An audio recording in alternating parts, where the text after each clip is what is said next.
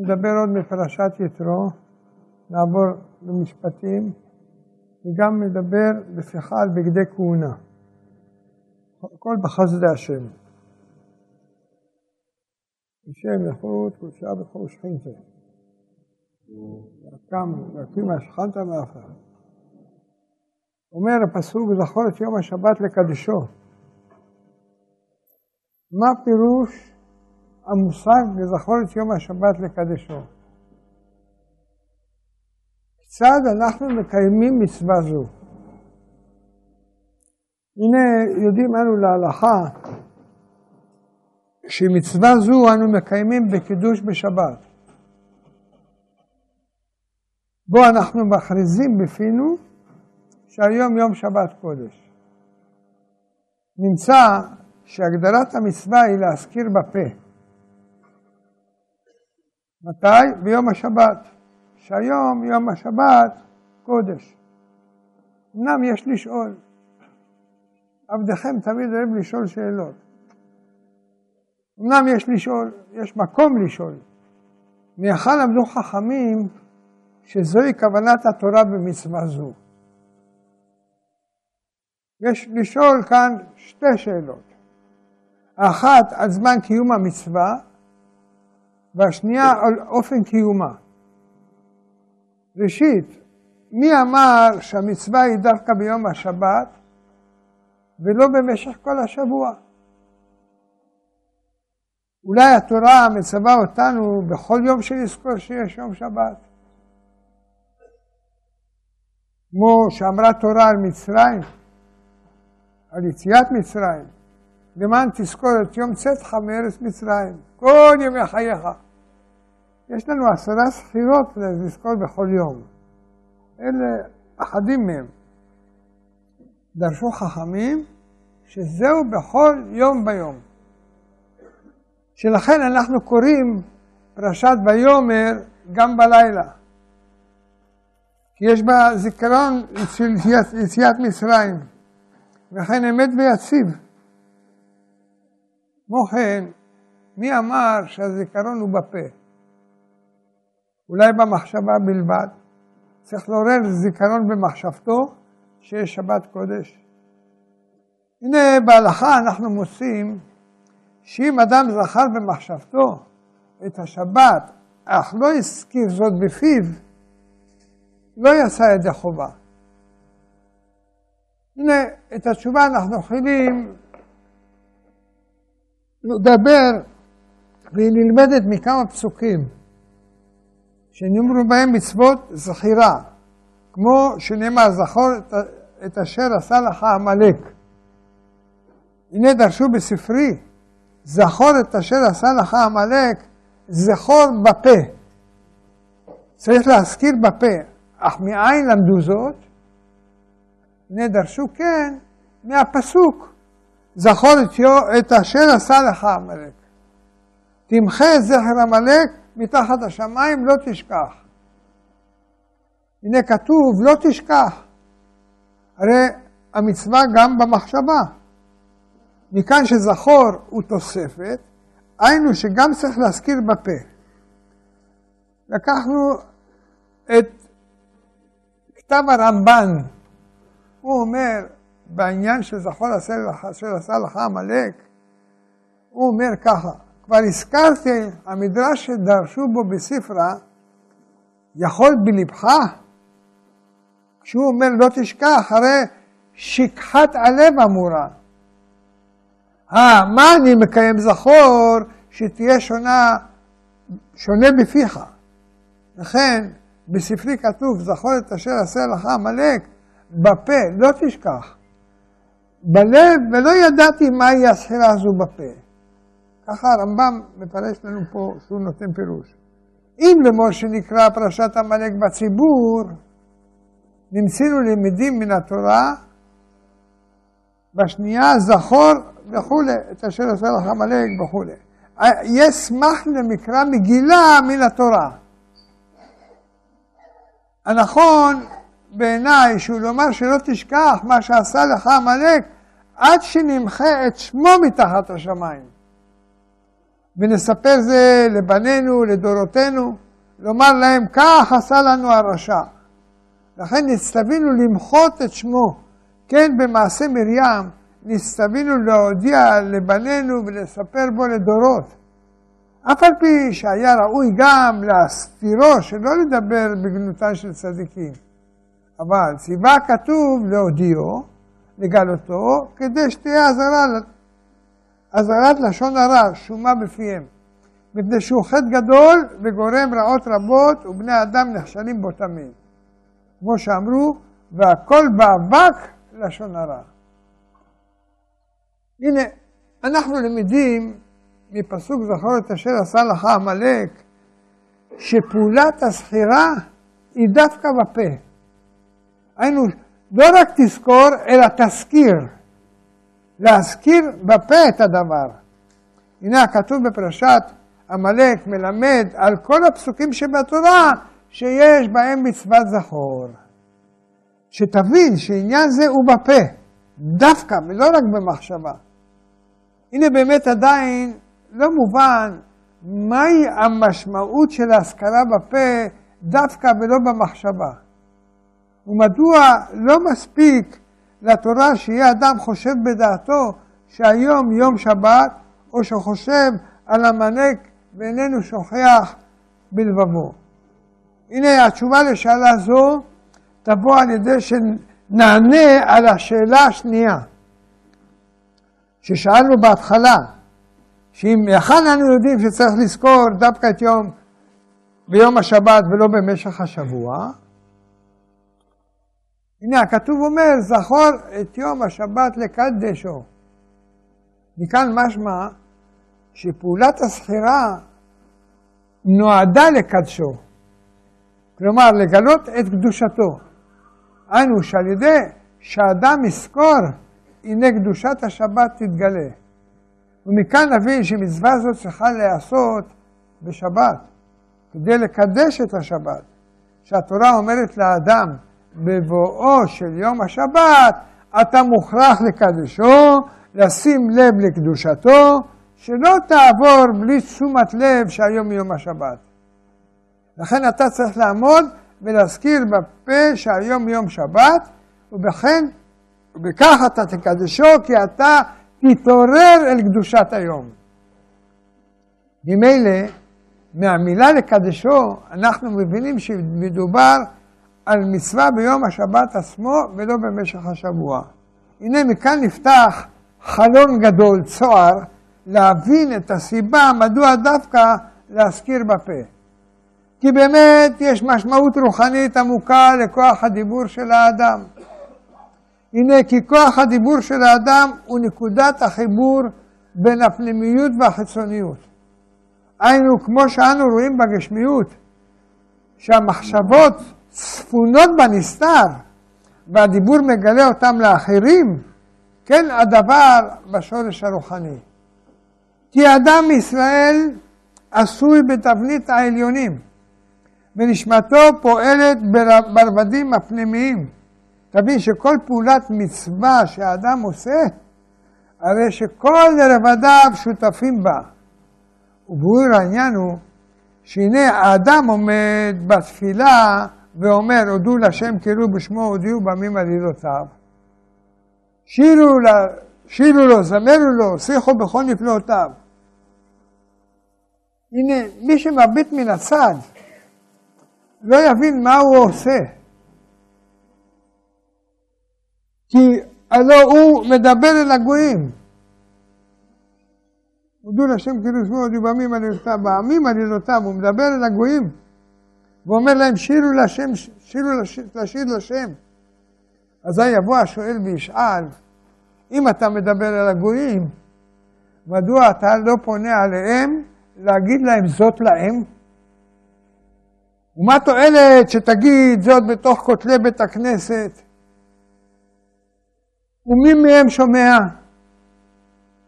בסוף אתה צריך להגיד זאת בשפתם, כי הם לא מבינים עברית. הנה, התשובה היא פשוטה. התשובה היא פשוטה לכל לב נאמן התפילה איננה פעולה ברובד השטחי של ההוויה, אלא במעמקיה.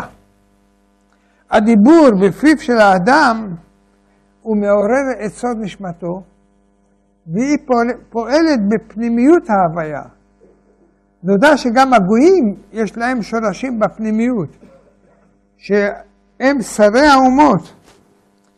נשמת קודש מישראל הוא גבוה משרי האומות, וכוחה לפעול בהם. על ידי הדיבור של האיש הישראלי למטה, בתחתונים, כן, בבית הכנסת, זוהרת נשמתו באותו התוכן הנאמר בתפילה. ופועלת במרחבי שמיים על שרי האומות, לכופפם תחת ממשלת הקדושה וללמדם לשיר לאדוני יתברך. אין פעולת התפילה נעמדת בהשפעתה הגלויה בעולם הזה, אלא הפעולה הגלויה כאן היא רק דרך כדי לעורר את סוד הנשמה הפנימית של האדם. שהיא הפועלת את סוד פעולה האמיתית של התפילה. זהו ערך מעשה המצוות, לעומת פעולות בעולם הזה. ערכן וטבען של פעולות בעולם הזה הוא ברובד הנראה לעין, בהשפעה על המחשבות האחרים ורגשותיהם, רצונותיהם ומעשיהם וכיוצא בזה. אך פעולת המצווה, המצוות, הן מושרשות למעלה, לעילה. פעולת האדם בעולם הזה בגופו היא רק קצה חוט כדי לעורר את השפע בפנימיות. כי אין הנשמה מתעוררת לפעול אלא כפי פעולת האדם ומעשיו בגופו. כי כך גזרה חוכמתו יתברך, לקשר את הנשמה לגוף ולשעבדה אליו ולמעשיו. נמצאת, אז נמצאת אורה בגילוייה התלויים במעשה האדם, בפיו ובמחשבותיו. הנה, זהו סוד הזיכרון בפה במצוות. כי מעין בדוגמת מהות הדיבור שהוא גילוי מהפנים לחוץ, כך מתרחשת בסוד הנשמה, בשעה שאדם מזכיר בפיו את קידוש השבת. אורה של השבת אדירו לאלוקים רב מרומים. אך צריך להעיר גם בחלקים הנגלים של ההוויה. ולצורך כן צריך אדם בישראל לקדש את השבת. ולהמשיך קדושתה בגילוי. זה סוד הזיכרון. דלת האור מהנסתר בהמשכתו לנגלה, אלא להאיר את כל העולמות בקדושת השבת. לאור זאת, אנחנו נבין את דברי הרמב"ם במצווה נוספת של זכירה, שהיא זכירת יציאת מצרים.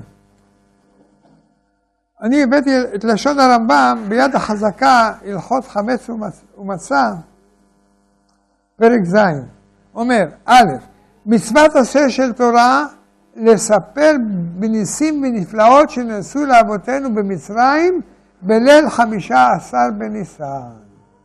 שנאמר זכור את היום אשר יצאתם ממצרים, כמו שנאמר זכור את יום השבת. ומניין שבליל חמישה עשר, תלמוד לומר, והגדת לבנך ביום ההוא לאמור. בעבור זה, בשעה שיש מצה ומרור, מונחים לפניך. ואף על פי שאין לו בן, אפילו חכמים גדולים חייבים לספר בסיעת מצרים וכל המעריך בדברים שיראו ושהיו הרי זה משובח. אף על פי שיש מצווה לזכור את יציאת מצרים, בכל השנה כולה, כמו שאמרנו, גם באמת ויסיף בבוקר וגם באמת באמונה בערב, כמו שאומר הכתוב, למען תזכור את יום צאתך מארץ מצרים כל ימי חייך. יש מצווה מיוחדת לספר ביציאת מצרים בליל הסדר. דבר זה לומד הרמב"ם מהפסוק זכור את היום הזה אשר יצאתם ממצרים. הוא לומד זאת מהיקש לשבת. בה נאמר זכור את יום השבת לקדשו. בשבת מבואר שמהות הזכירה איננה רק זיכרון במחשבה, אלא היא פעולה ממשית בפה, שנועדה לגלות את קדושת השבת. זהו הקידוש, שהוא ביטוי בפה של קדושת השבת. רצוננו לומר שביום השבת מאיר אור גדול בכל העולמות, אלא שצריך האדם להוציא מהכוח אל הפועל את הקדושה החבויה במהות הזמן. לגלותה לאור עולם. זה סוד הפה, שהוא חושף את הנסתר לעשותו נגלה. לכן למדים זכור בפה, כי הדיבור והביטוי הוא גילוי של המחשבה, החושף את האור להעירו אל הלב והדעת ולזכח את העולם כולו. זהו מהות הפסוק זכור את יום השבת לקדשו. הזיכרון נועד לקדשו, לחשוף את הקדושה. לכן בוודאי שהציבור, שהציווי זכור נאמר ליום השבת עצמו, כלומר שביום השבת צריך להזכיר בפה את קדושתו. לכן ממילא נבין גם לג... לגבי פסח. בו נאמר זכור את היום הזה, שכוונת הדברים איננה זיכרון כללי בחיי האדם, שיזכור את יציאת מצרים, אלא הכוונה היא פעולה ממשית ביום הפסח עצמו. להזכיר בפה ולחשוף את הקדושה המהירה בעצמות הזמן. כמו שאנחנו אומרים, חייב אדם לראות את עצמו כאילו יצא עכשיו במצרים. הנה עדיין אפשר לומר שהמצווה היא גם ביום פסח, היא גם ביום הפסח, ולאו דווקא בלילה. על זה בא הרמב"ם ולומד מהכתוב, והגדת לבנך ביום ההוא לאמור בעבור זה. המילה זה היא מורה על דבר מוחשי שניצב לנגד עיניהם. ומהו אותו הדבר? מצה ומרור שמונחים לפניך. נמצא שהסיפור צריך להיות דווקא בלילה, בשעה שהמצה ומרור מונחים לפני האדם קודם אכילתם. אמנם יש הבדל בין זכור שנאמר לגבי שבת ובין זכור של פסח. בזכור של שבת הוא מה שאנחנו אומרים בקידוש, שהוא אזכור שהוא, שהיום יום שבת קודש. מה שאין כן בפסח, שהוא איננו רק אזכור קצר על קדושת החג, אלא המצווה היא לספר. היינו לתאר בצורה מוחשית ורחבה את מהות היום, את היציאה ואת הניסים שנעשו בה. המושג לספר הוא נלקח מהתורה עצמה. כלומר, למען תספר באוזני בנך ובן בנך את אשר התעללתי במצרים ואת אותותיי אשר שמתי בם וידעתם, וידעתם כי אני השם. הסיפור הוא תיאור ארוך ומפורט, כאומרו, ויספר משה לחותנו את כל אשר עשה האלוהים לפרעה ולמצרים. ידוע הדבר שהמצוות הם מעוררי אור עליונים מאוד. ברצוננו לומר שהמצווה מקיפה הרבה יותר ממה שאנו משיגים ממנה. כך גם סיפור יציאת מצרים. אף שהוא פונה לרגש והמחשבה, ערכו חובק עולמות. לא רק מה שהלב התפעל והשיג מגדולת השם ברוממותו, הוא הפרי של, של סיפור יציאת מצרים, הוא חלון, הוא צוהר, אל הערך האדיר של סיפור זה. אומר לנו רבי שמעון בר יוחאי בספר הזוהר, והוא מדבר על מעלת סיפור יציאת מצרים, וזה לשונו. אני אגיד אותו בלשון הזוהר ונפרש אותו. בבשעתה, כניס קודשה ברכו לכל יד אלה. זאת אומרת, באותה שעה שאדם מספר את יציאת מצרים, הקדוש ברוך הוא אוסף את כל הפמליה שלו. ואמר לו, אומר להם, זינו ושמעו סיפורה דשבחה דלי. תשמעו את, את השבחים שמספרים עליי. דיקה משתהו בעיני חדן בפורקנה. כדין כולו מתקדשין באתיין ומתחברים בעדה יהוד ישראל, ושמעו סיפורה דשבחה, דיקה חדן בחדווה דפורקנה דמריון. וכדין אתיין, ועודן לקדושה ברכו, לקודשה ברכו, על כן אינו ניסינו גבורן. ועודן להלמה קדישה דית לברה דחדן בחדווה דפורקנה דמריון. כדין יתוסף חילה גבורתה לאלה, וישראל, באי סיפורה, יבין חילה למריהון. כמלכה תוסף חילה וגבורתה כד משבחין גבורתה בעודן לכול דחלי מקמה והסתלק יקרא על כולו ובגין כך אית לשבחה ולהשתאה בסיפורה דה כמה איכא דאיתמר. הלשון מלמד שבשעה שאדם מספר ביציאת מצרים כל פמליה של מעלה באים להאזין לדבריו. ורואים את בניו של הקדוש ברוך הוא השמחים בניסים שעשה להם הקדוש ברוך הוא עמם. מפארים ומרוממים שמו, ועל ידי כך נוסף כוח וגבורה לאלה. ישראל באותו הסיפור נותנים כוח למלכם. כמלך שנוסף לו כוח וגבורה בשעה שמשבחים גבורתו ומודים לו. הכל ירים ממנו וכבודו זורח בכל. יש להבין את הקשר בין הטעם הנגלה, שהוא החדרת המסר אלינו ואל בנינו, עם דברי הזוהר המדבר על עילוי כבודו של מקום במרומים. תשכיל, כי עניין, העניין הוא אחד. כי ישראל הם שורש ההוויה.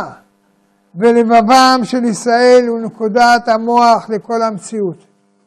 בשעה שישראל מחדירים אל לבבם את גדולת השם ומתבוננים ברוממותו, הרי שדבר זה בעצמו מטלטל את כל המציאות כולה. שהיא איננה נערכת אלא כגוף לגבי המוח, שהוא ישראל. כי בשעה שהמוח משיג את רוממותו את רוממות האלהות, הוא מקיים בעצמו וידעתם כי אני השם, הרי שממילא כל ההוויה היא, נכנע, היא נכנעת תחת מלכות שמיים, תחת מלכות השם. ודבר זה בהוראות על עוצם מעלת המוח והלב של ישראל ועל המשמעות האדירה והערתם בדעת השם. אמנם אנחנו קטנים, ואין בכוחנו לראות את המתרחש במרומים, אך נדע, נדע כי נשא לבבנו אל כפיים אל אל בשמיים. הנעשה בלבבנו הוא המפתח של כל ההוויה כולה. לשעבדה תחת מלכו של עולם. כך, כשאנו אומרים בתפילת ראש השנה, ויעשו כולם אגודה אחת לעשות רצונך בלבב שלם, אנו איננו מנסים לשכנע את הסינים או את הרוסים לקבל מלכות השם. לא עמם אנחנו מדברים, אלא אל תוך לבבנו, רוחנו והווייתנו. כי בגילוי דעת של גוי קדוש נכנית ההוויה כולה תחת מלכות שמיים. קרקנת הראש והאיברים הבאים בשעה שהלב מלא יראת כבוד מהמלך העליון. אין אנחנו צריכים לצאת מתוך לבבנו אל מחוזות נסתרים. ומאידך צריכים אנחנו להבין שהכל נמצא בלבבנו במוחנו. וממילא אז נעריך נאמנה את השתבדותנו אל מלכו של עולם. ונבין כי כל המציאות כולה מוכרעת לטובה ולברכה באבל פיו של עם השם. השמח בגדולת השם, הוא מספר בנפלאותיו. אנחנו נגיד פתיחה על פרשת משפטים. אומר, באלה המשפטים אשר תשים לפניהם. רש"י, בדברי המתחיל, הוא אומר, למה נסמכה פרשת דינין לפרשת מזבח? הרי אנחנו קראנו בפרשת, בסוף פרשת יתרו, ולא תעלה, ולא תעלה, בעלות על זבחי ולא תגלה ערבת חלב. עניין המזבח. לא תעשה, כן. אומר, למה נסמכה פרשת דינין לפרשת מזבח? לומר לך שתשים סנהדרין אצל המזבח. נראה לומר בביאור פנימיות דבר זה, שמקומם של הסנהדרין הוא דווקא אצל המקדש. שהנה לכאורה, הלו הדברים מנוגדים. שכל עניין המקדש, הלו בא לכפר על החוטים. אנו לנקתם, לנקותם מחטאותיהם ללא עונש, על ידי הקרבת הקורבן. לעומת זה, הרי עניין בית הדין, שהם הסנהדרין, מציאותו בהיפוך הגמור לענוש הרשעים, כפי שמידת הדין קובעת. לפי זה נמצא ששתי הנהגות אלו הן מנוגדות שהמזבח המכפרת. הלוא היא בבחינת מידת הרחמים, המזבח. והסנהדרין הם מצד מידת הדין. היינו יכולים לחשוב שאינם שייכים אחד לרעותה. וכל זה, וכל אחד, אחת לעצמה. אז זהו באו רבותינו ואמרו, והם דרשו, שמקום הסנהדרין הוא אצל המזבח. כלומר ששני אלו בשורשם חד הם, ומידת הדין משלימה את מידת הרחמים. בעיקר הדברים אומרים בפרטיות לגבי כל אחד ואחד. שלעיתים נדמה לו לאדם שבכוחו לנהוג או בתכלית מידת החסד או בתכלית מידת הגבורה. אכן לנהוג בשני הדרכים גם יחד, כל אחד בעיתו ובזמנו, לפי העניין, הנה זוהי עבודה קשה ביותר. לכל אחד, לכל אדם. וזה מה שעניין זה בא ללמד, לא לאדם, שתשים סנהדרין אצל המזבח. לומר לך ששניהם מתכוונים לדבר אחד. אין הפרש ביניהם. שטובים השניים, צריך להשתמש בכל אחד כפי הראוי לאותו זמן ולאותו עניין בפרטות. עוד אפשר לומר בפשטות יותר, בביאור העניין האבחון וההפרש בין בחינת מקדש וקדשה לבחינת סנהדרין, שלכאורה עבודת המקדש היא פסגת העבודה וההקרבה האלקית האפשרית בידי האדם. לעומת זה, ההתעסקות בדינים ובפסקי הלכות היא נתפסת לכאורה בידי האדם כעבודה נמוכה יותר, שהרי היא התעסקות בפושעים ובחוטאים ובעונשיהם. ובא כתוב לומר שאל ירצה האדם לעסוק בעבודות גבוהות דווקא, דהיינו מבחינת מקדש ומזבח, אלא גם מבחינת סנהדרין. היא אצל המקדש, שהכל עניין אחד, וכל העבודות הללו נצרכות לתיקון האדם. הוא פעם בא בבחינה זו, הוא פעם בא באופן אחר, הכל הוא חלק מההתרוממות והצלחת האדם.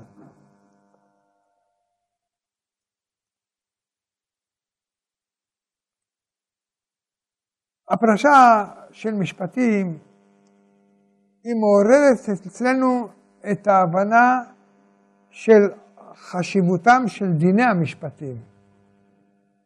היא פותחת בעבד עברי ומראה לנו איך לעשות סדר נכון בבריאה, בחיינו, בנפשנו, ואיך לצאת ממצב של עבד למצב של בן חורין המצוי בשמחה.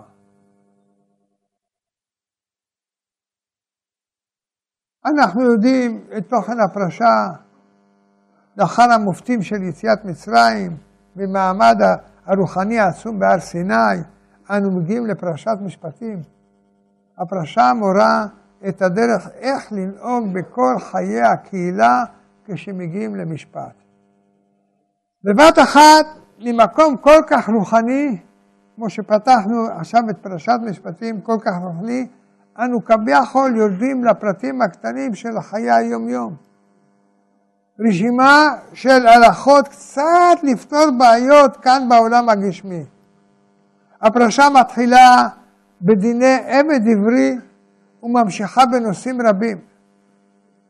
מכה או מקלל אביו באמו, עונש של מידה כנגד מידה, שן תחת שן, עין תחת עין, שור שנגח, שמירה או פגיעה ברכוש אחר, שוכב עם בהמה, איסור ריבית, השבת אבדה, עזרה אפילו לשונא שלך, התרחקות מדבר שקר, לא להטות משפט, והרשימה ארוכה. לאחר מכן הפרשה מספרת על מצוות שלושת הרגלים, על ההבטה הגדולה על ירושת הארץ, ומסיימת שוב בעניין מעמד הר סיני, עלייתו של משה רבנו אל ההר. פרשת משפטים היא מסיימת בשנה רגילה את תקופת תיקוני השובבים. משימה של התחייבות לחוקי התורה. בנייה פנימית ובניית קהילה המיוסדת על דיני התורה. התחייבות זאת היא בעצם הצמיחה הרוחנית הכי גדולה שלנו ממקום של נערות ומעשה שובבות, מקום חופשי במרכאות, משולח רסן אל מקום של אחריות וקבלה, קבלת עול תורה ומצוות, קבלת החוקים הרוחניים של הבריאה. אם נתבונן רגע במיקום של פרשת משפטים בתורה, נשים לב שהתורה הפסיקה את הסיפור של נתינת התורה בשיאו, בעשרת הדיברות. הכניסה והכניסה את, ה, את פרשת משפטים, רשימת הדינים הארוכה, ובסופה היא מחזירה אותנו אל מעמד הר סיני בסיפור עלייתו של משה אל הר סיני. ויאמר השם אל משה, עלה אלי הערה, ויעל משה אל ההר, ויכס הענן את ההר, ויעמוד משה בתוך הענן, ויעל אל ההר, ויהי משה בהר ארבעים יום וארבעים לילה.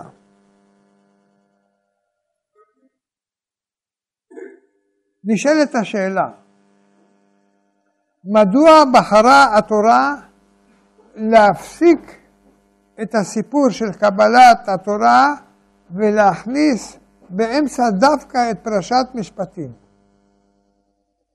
שאלה. ידוע אמנם שאין מוקדם ומאוחר בתורה, אבל מה זה מגלה לנו על טיבם של דיני המשפטים? כתוב בתהילים, דוד המלך אומר לנו, מגיד דבריו ליעקב, חוקיו ומשפטיו לישראל. אומר על זה המדרש, מגיד דבריו ליעקב, אלו עשרת הדיברות. חוקיו ומשפטיו לישראל, אלו המשפטים. דוד המלך הוא מעיד שהמשפטים הם באותה דרגת קדושה כמו עשרת הדיברות. אפילו יותר מזה, ידוע שמדרגת ישראל היא גבוהה יותר ממדרגת יעקב. דיברנו על זה לא פעם אחת. לכן הוא רומז שהמשפטים אף, הם אף גבוהים יותר בקדושתם. רש"י אומר, ואלה המשפטים, כל מקום שנאמר אלה, פסל את הראשונים. אבל כאן מה אומר? ואלה, יש בה בחיבור שמחברת את הראשונים מסיני, אף אלו מסיני. כמו שנאמרה עשרת הדיברות בסיני, התורה ניתנה בסיני, גם המשפטים ניתנו בסיני. לכן כתובה פרשת המשפטים באמצע עניין קבלת התורה, כדי שנבין את חשיבותם הקדושה של דיני המשפטים. מהי מדרגת המשפטים שאנחנו אומרים? חייבים להעמיק ולהבין את מדרגת המשפט בישראל. מהו דין תורה באמונת ישראל? כי בעוד שהמשפטים והדינים של שאר אומות העולם הם שכליים. אומות העולם הם שכליים. זאת אומרת שהם נכתבו בהסכמה שכלית בין בני אדם. האמונה היהודית היא שחוקי התורה ניתנו כולם במעמד הר סיני ונכתבו בתורה והם נקראים גופי תורה. יותר מזה, כל דין שנפסק בבית דין תורני, על פי גופי התורה, נעשה חלק מהתורה. עד כדי כך שאמרו רבותינו שכל דיין שדן דין אמת לאמיתו, נעשה שותף לקדוש ברוך הוא במעשה בראשית. מביאים את זה במסכת שבת. כתוב בגמרא ששלושה יושבים בדין, שכינה עמהם. מסכת ברכות. בשיקול הדעת הגשמי של בשר ודם יכולה ליפול טעות. אתם רואים בבנק כתוב ט"ל"ח, אם שמתם לב. טעות לעולם חוזרת. אבל כשדנים בדרך משפטי השם, זה אמת לאמיתו. שלושה דיינים שדנים בסוגיה, מתלבשת בהם השכינה ומסכימה עם פסיקתם. כמו שזה קורה בעניין קביעת הזמנים של ראש חודש, מועדים, שצריכים לראות, היו באים לבית דין, אומרים ראיתי הירח ככה, הייתי ככה, בצד זה, בצד זה, שכתוב אלה מועדי אדוני, מקראי קודש, שאשר תקראו אותם במועדם. בית דין קבע היום ראש חודש, היום ראש חודש. בית דין קבע היום, אפילו שלא יום כיפור, הוא אומר היום יום כיפור, היום יום כיפור. אמנם לא הולכים ככה בקיצוניות. אומרת, אנשי הסנהדרין היו קובעים את הזמנים על פי עדות של שני עדים. וגם אם הייתה נופלת טעות בידם לגבי המועד המדויק, מן השמיים היו מסכימים איתם והכל היה לפי הרצון העליון. אנחנו אמרנו שלושה שדנים דין אמת, אז הם שותפים במעשה בראשית. אומרים רבותינו, זכרונם לברכה, שתכלית בריאת העולם היא שנתבע לו הקדוש ברוך הוא להיות לו דירה בתחתונים. כל פרשות ספר שמות עוסקות למעשה בהשגת התכלית הזאת. מהוצאת העם שמיועד לקיים את המשימה ממצרים, נתינת התורה, בניית המשכן על כל פרטיו, ועד השראת השכינה בתוכו. בכלל זה גם פרשת משפטים כמובן. אומר הנתיבות שלום, אם אתם זוכרים. לכך נתן הקדוש ברוך הוא את פרשת המשפטים, שבתוך עולם השקר התנהגו על פי משפטי השם אמת. נתיבות שלום אומר לנו שהשותפות שלנו עם בורא עולם היא מתבטאת דווקא בפרטים הקטנים של חיינו, בדינים שבין אדם לחברו, אל תוך המציאות הגשמית, אל תוך עולם העשייה, העולם החשוך ביותר. אנו מצווים להכניס את האור האלוהי, את החוכמה האלוהית, ובכך לעשות לקדוש ברוך הוא דירה בתחתונים. להיות שותפים במעשה בראשית. התורה לא השאירה פרט אחד קטן שלא טיפלה בו. מה שנדרש מאיתנו זה לימוד. אמונה והכרה שהפתרון לסכסוכים, לבעיות, למחלוקות, לשקרים, נמצא רק בחיבור אל האור של התורה. בהכנסת האמת אל תוך מקום החושך. עשרת הדיברות ניתנו בשלמות משמיים, גם המשפטים, אבל בעבודת המשפט יש בירורים נוספים שצריך לעשות ולהוסיף דינים בהלכות כאן בארץ. בכך יש לעם ישראל הזדמנות להיות, להיות שותפים בבניין התורה ושותפים במעשה בראשית. לכן אמרו חז"ל על הפסוק, לאמור לציון, עמי אתה. אל תקרא עמי, אלא עמי. עמי אתם בשותפות.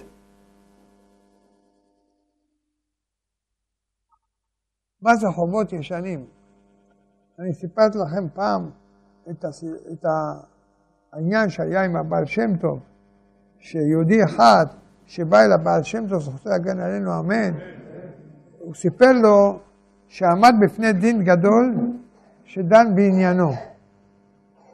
ואותו בית דין הוציא אותו חייב בדין. אבל אמר היהודי, אמנם יודע אני בבירור שהתורה אמת ודבר השם אמת וקיים לעד, ואני מפקפק שהדין נפסק באמת על פי דין התורה. אבל אני לעצמי יודע שלא כך היה מעשה, ובאמת אינני חייב לשלם לבעל דיני. ואיך התיישבו שתי האמיתות, האמיתויות כאחד? השיב לו הבעל שם טוב, זכותו יגן עלינו, אז אומר לו, ויהיה ידוע לך שבגלגול הקודם נשארת חייב כסף לאדם זה. לכן ירדת שוב לעולם הזה כדי שתפרע לו את החוב מן הגלגול הקודם. הפירעון יהיה באופן שאף על פי המעשה של עכשיו, אינך חייב לו כלום, רק כדי לשלם את החוב הזה קודם. לכן יצא הפסק על פי התורה. כתוב בזוהר הקדוש, בפירוש הסולם, אומר, פתח ליבי שמעון ואמר, ואלה המשפטים אשר תשים לפניהם, אלו הם סדריו של גלגול. כי משפטים פירושו דינים. דהיינו דינים של נשמות חוזרות ומתגלגלות לעולם הזה, הנידונות כל אחד ואחת לפי עונשה. גם כן היה אדם אחד שראה שלאיזה גביר אחד נפל לו הארנק של הכסף. והוא הלך, בא אדם שני, ראה את הארנק, לקח אותו, ונרדם שם במקום. באו גזלנים, חמסים, אמרו לו, איפה הכסף שלך? נתנו לו מכות, לקחו את הארנק. באו אצל הבעל שם טוב, רוצה להגן עלינו. אותו יהודי סיפר לו, ראיתי עולם הפוך. זה ככה וזה ככה וזה ככה, מה, מה קורה פה? אמר לו, זה שנפל לו הארנק היה חייב לאותו פלוני. זה אותו פלוני היה חייב לאלה החמאסים, וככה, וככה זה מתגלגל. כל אחד בגלגול שלו וזה התיקון שלו. אני אמרתי לאלה שלומדים דיינות, לאלה עורכי הדין וגם לשופטים, יצא לי לדבר איתם פעם, אמרתי להם, אם אתם לא באים מבחינת רוח הקודש, אינכם יכולים להיות דיינים. צעקו עליי. הנה, הבעל שם טוב יודע כל עניין הגלגול, איך, איך זה ואיך זה, איך הכל. טוב. זה בדרך אגב אמרתי את זה פה. אז ישנו מאמר ארוך, מאמר הסבא בזוהר של הפרשה, הוא מפרט את הסודות של הגלגולים שמופיעים, שמופיעים בדינים הכתובים בפרשה. הדברים עמוקים מאוד. מה שיש לנו לזכור באופן מעשי לעבודתנו זה, זה שתמיד, תמיד אין אנחנו יכולים לראות את התמונה השלמה. רק ההשגחה העליונה מקבלת את כל הפרטים ופרטי הפרטים של כל הנשמות. לכן צריך הרבה אמונה וסייעתא דשמיא כדי ללכת בדרך של משפט אמת בתוך נפשנו ועם חברנו. לצורך כך נתנה התורה את המשפטים כדי להורות לנו מה טוב ומה רע. כדי להורות לנו את הדרך לדבוק באמת המובילה לתיקון השלם. הלוא ואלה המשפטים אשר תשים לפניהם כי תקנה עבד עברי. תכף התחילה בעבד, מה זה עניין של העבדות. אומר, התורה אומרת לנו, כי תקנה עבד עברי, שש שנים יעבוד, ובשביעית יצא לחופשי חינם. אם בכפו יבוא, בכפו יצא. אם בעל אישה הוא ויצא אשתו עמו, אם אדוניו ייתן לו אישה וילדה לו בנים או בנות, האישה וילדיה תהיה לאדוניה, והוא יצא בכפו. ואם יאמר, יאמר, אמור יאמר העבד, אהבתי את אדוני, את אשתי ואת בניי, לא יצא חופשי, והגישו אדוניו אל האלוקים, והגישו אל הדלת, או אל המזוזה, ורצה אדוניו את אוזנו במרסע ועמדו לעולם. דבר ראשון שהפרשה מדברת עליו, זה עניין של עבד עברי. מי הוא אותו עבד עברי? כמובן שמדובר על עבד ממש. אך כיום, כשאין לנו עבדים, במה העניין שייך אלינו? העבד העברי זו תנועה בנפש של כל אחד. כוח שצריך ללמוד אותו ולדעת איך לעלות ולהשתחרר ממנו. רק לפני שתי פרשות למדנו על עם שלם שיצא מעבדות קשה מאוד לחירות הגדולה ביותר. מתן תורה. הקדוש ברוך הוא ברא את האדם בן חורין. הוא הנברא היחיד בעל הבחירה. לא מלאכים ולא בעלי חיים. רק לאדם יש כוח בחירה בין טוב לרע. על האדם הוטל התפקיד הקשה ביותר. האדם מורכב מכל מה שיש בעולם מצד הגוף, יש לו את כל מה שיש לבהמות, ומצד הנשמה יש לו את כל מה שיש למלאכים. האדם נועד לעשות את העבודה של הבירורים, ורק בעולם הזה אפשר לעשות את הבירורים האלה. האדם יכול לתקן ולהפוך את כל הדברים שנראים לו לא טוב. לטוב, אז יש לימוד בבריאה. האדם יכול לצאת מעבדות לחירות. השורש של העבדות, איך יוצאים ממצב של עבדות? כדי לפתור דבר, דבר צריך להגיע לשורשו. כתוב בפרשה שעבד יצא לחופשי תחת שן ועין. אם בעליו גרם לו לאבד שן או עין, הוא חייב לשחררו. למה דווקא שן ועין מוזכרים? האמת שמדובר על כל האיברים, אבל שן ועין מורה לנו את השורש של כל עניין העבדות. בכל עניין שיש בעולם. ישנה האישיות שהורידה אותם, אותו לאותו, לעולם המעשים במעשים האלה.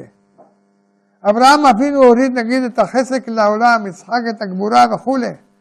חם, בנו של שם, של נוח, שם חם ויפת, חם, שהוא בנו של נוח, הוא זה שהוריד את העבדות לעולם, בכך שזלזל בכבוד אביו. אחרי המבול מסופר על, על הסתכלותו של נוח, וישכר, ויתגל בתוך אוהלו, וירא חם אבי כנען את ערוות אביו, ויגד לשני אחיו, בחוץ. חם עשה פגם בעין ובשן. הוא הסתכל איפה שאסור להסתכל, בערוות אביו, ודיבר מה שאסור לדבר. סיפר לאחיו על המעשה. חם הוא הראשון שזלזל בכבוד אביו. בטבע הבריאה, בן נמצא ממש במחשבתו של האב. כל אחד יודע, בדבקות, כל אחד בדבקות עם הבן. לפני חם זה באמת היה כך, אבל עקב מעשיו של חם, הוא נפל ממדרגה של בן למדרגה של עבד. כשנוח התעורר וגילה מה שקרה, הוא קילל את חם, עבד עבדים יהיה לאחיו.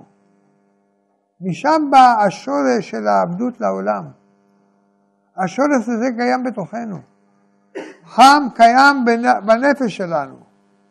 כשאנו מתרחקים מכבוד אבינו שבשמיים, אנו נופלים למדרגת עבדים.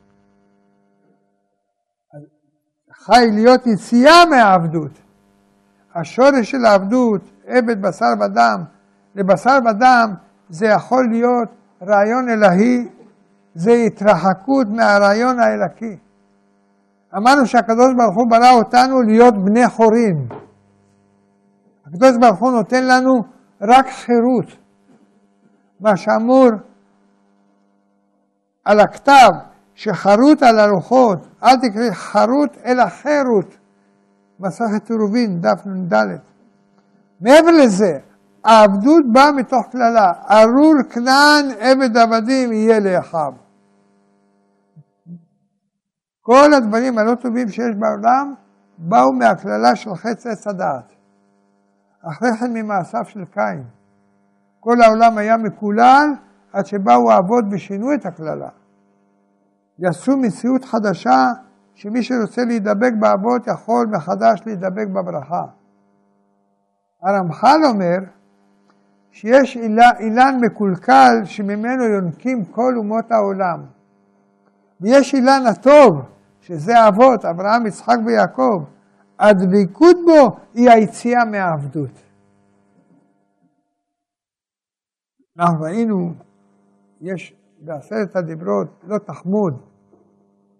כדי להיפטר מהעבדות, צריך להתבונן בדיבור של לא תחמוד.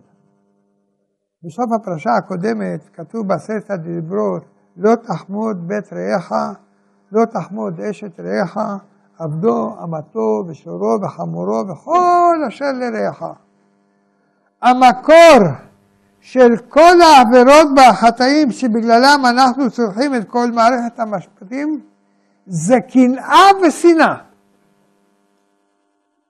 הסיפורנו אומר שכאן בפרשה מדובר בעצם על ההלכות שלא תחמוד. איך, איך עושים את זה הלכה למעשה? לא תחמוד לא רק את מה שיש למישהו אחר, אלא גם את מה שיש לך אל תחמוד. כי ברור הדברים שלך לא, י... לא יישארו בידך לנצח. כדוגמת עבד עברי, שש שנים יעבוד, ובשביעית יצא לחופשי חינם. אפילו עבד שקנית בכסף, והוא שלך, הוא לא שלך לתמיד. התורה אומרת, אתה לא בעל הבית, גם העבד העברי שקנית, בשביעית יצא לחופשי. כשאדם משתבד לחומר, מיד מגיעות המחלוקות. המחלוקת מגיעה. אדם מחליט שחסר לו משהו, רק כשהוא רואה את אותו משהו אצל האחרים. בזה נבדל מן האדם משאר המינים, שיש לו הרגש הזולת לטוב ולרע. אם לא היה רואה אצל חברו, לא היה צריך את זה. אחד יש לו בית טוב, יש לו הכל, לא חסר לו שום דבר. יום אחד הוא רואה אצל חברו בית מהודר יותר, או מכונית, אני יודע, לא רוצה להזכיר, יותר טובה. אז הוא מרגיש שהוא צריך את זה. מזה באה הקינה. אחר כך בא, באות המחלוקות וכל הצרות שיש. כל הצרות בעולם הרי באו מהנחש שקינה באדם ובחווה. כל המוות והייסורים באו מקינת הנחש. אנחנו צריכים לעשות ביטול מכל הצרות. הקינה יכולה להיפסק בעם ישראל בשתי דרכים. אחת, הלא רצויה, זה כשבאים הגויים וחופטים בנו. אז נגמרים ההבדלים בינינו. כמו בשואה, רחמנא ליצלן. כולם בסוף נראו אותו, את אותו הדבר. העשיר, העני, המאמין והלא מאמין. שנאת הגויים עושה השתלבות הצורה בעם ישראל שנענשים כאחד. להבדיל, הדרך הטובה היא כפי שהיה במתן תורה, ויחן שם ישראל נגדה. כי איש אחד, בלב אחד, כל העם ראו את הגדולה של הבורא עולם, ואמרו בשביל מה לנו להתעסק עם הדברים הקטנים? הדברים שגורמים לנו לשנוא אחד את השני. הרי יש אור כזה גדול ואפשר להידבק באור. אז בטלה המחלוקת, הבינו וידעו שיש רק רשות אחת. שום דבר לא שלי. הכל של הקדוש ברוך הוא, אין עוד מלבדו.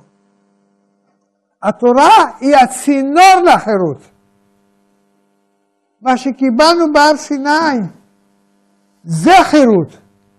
מי שעוסק בתורה הוא בן חורין, שנאמר שהקדוש ברוך הוא יסתכל בתורה וברא את העולם. עצם המילים שאיתם הקדוש ברוך הוא ברא את העולם באו מן התורה. הסתכל באורייתא. זאת אומרת שעצם הדיבורים של הבריאה, עשרה מאמרות שאיתם נברא העולם, אלה דברי התורה. הקדוש ברוך הוא הוא אין סוף ברוך הוא, אין סוף אור, הוא ברא צינורות מיוחדים, דרכם הוא משפיע את האור הזה, את השפע הזה, לכל העולם. זה כתוב בזוהר הקדוש, בפרשת משפטים. הצינור שדרכו עברו המאמרות של בריאת העולם זה צינור של תורה. כל המציאות של האדם שחי, שמח, מאושר ובן חורין זה בתורה. כי היא הצינור של החיות.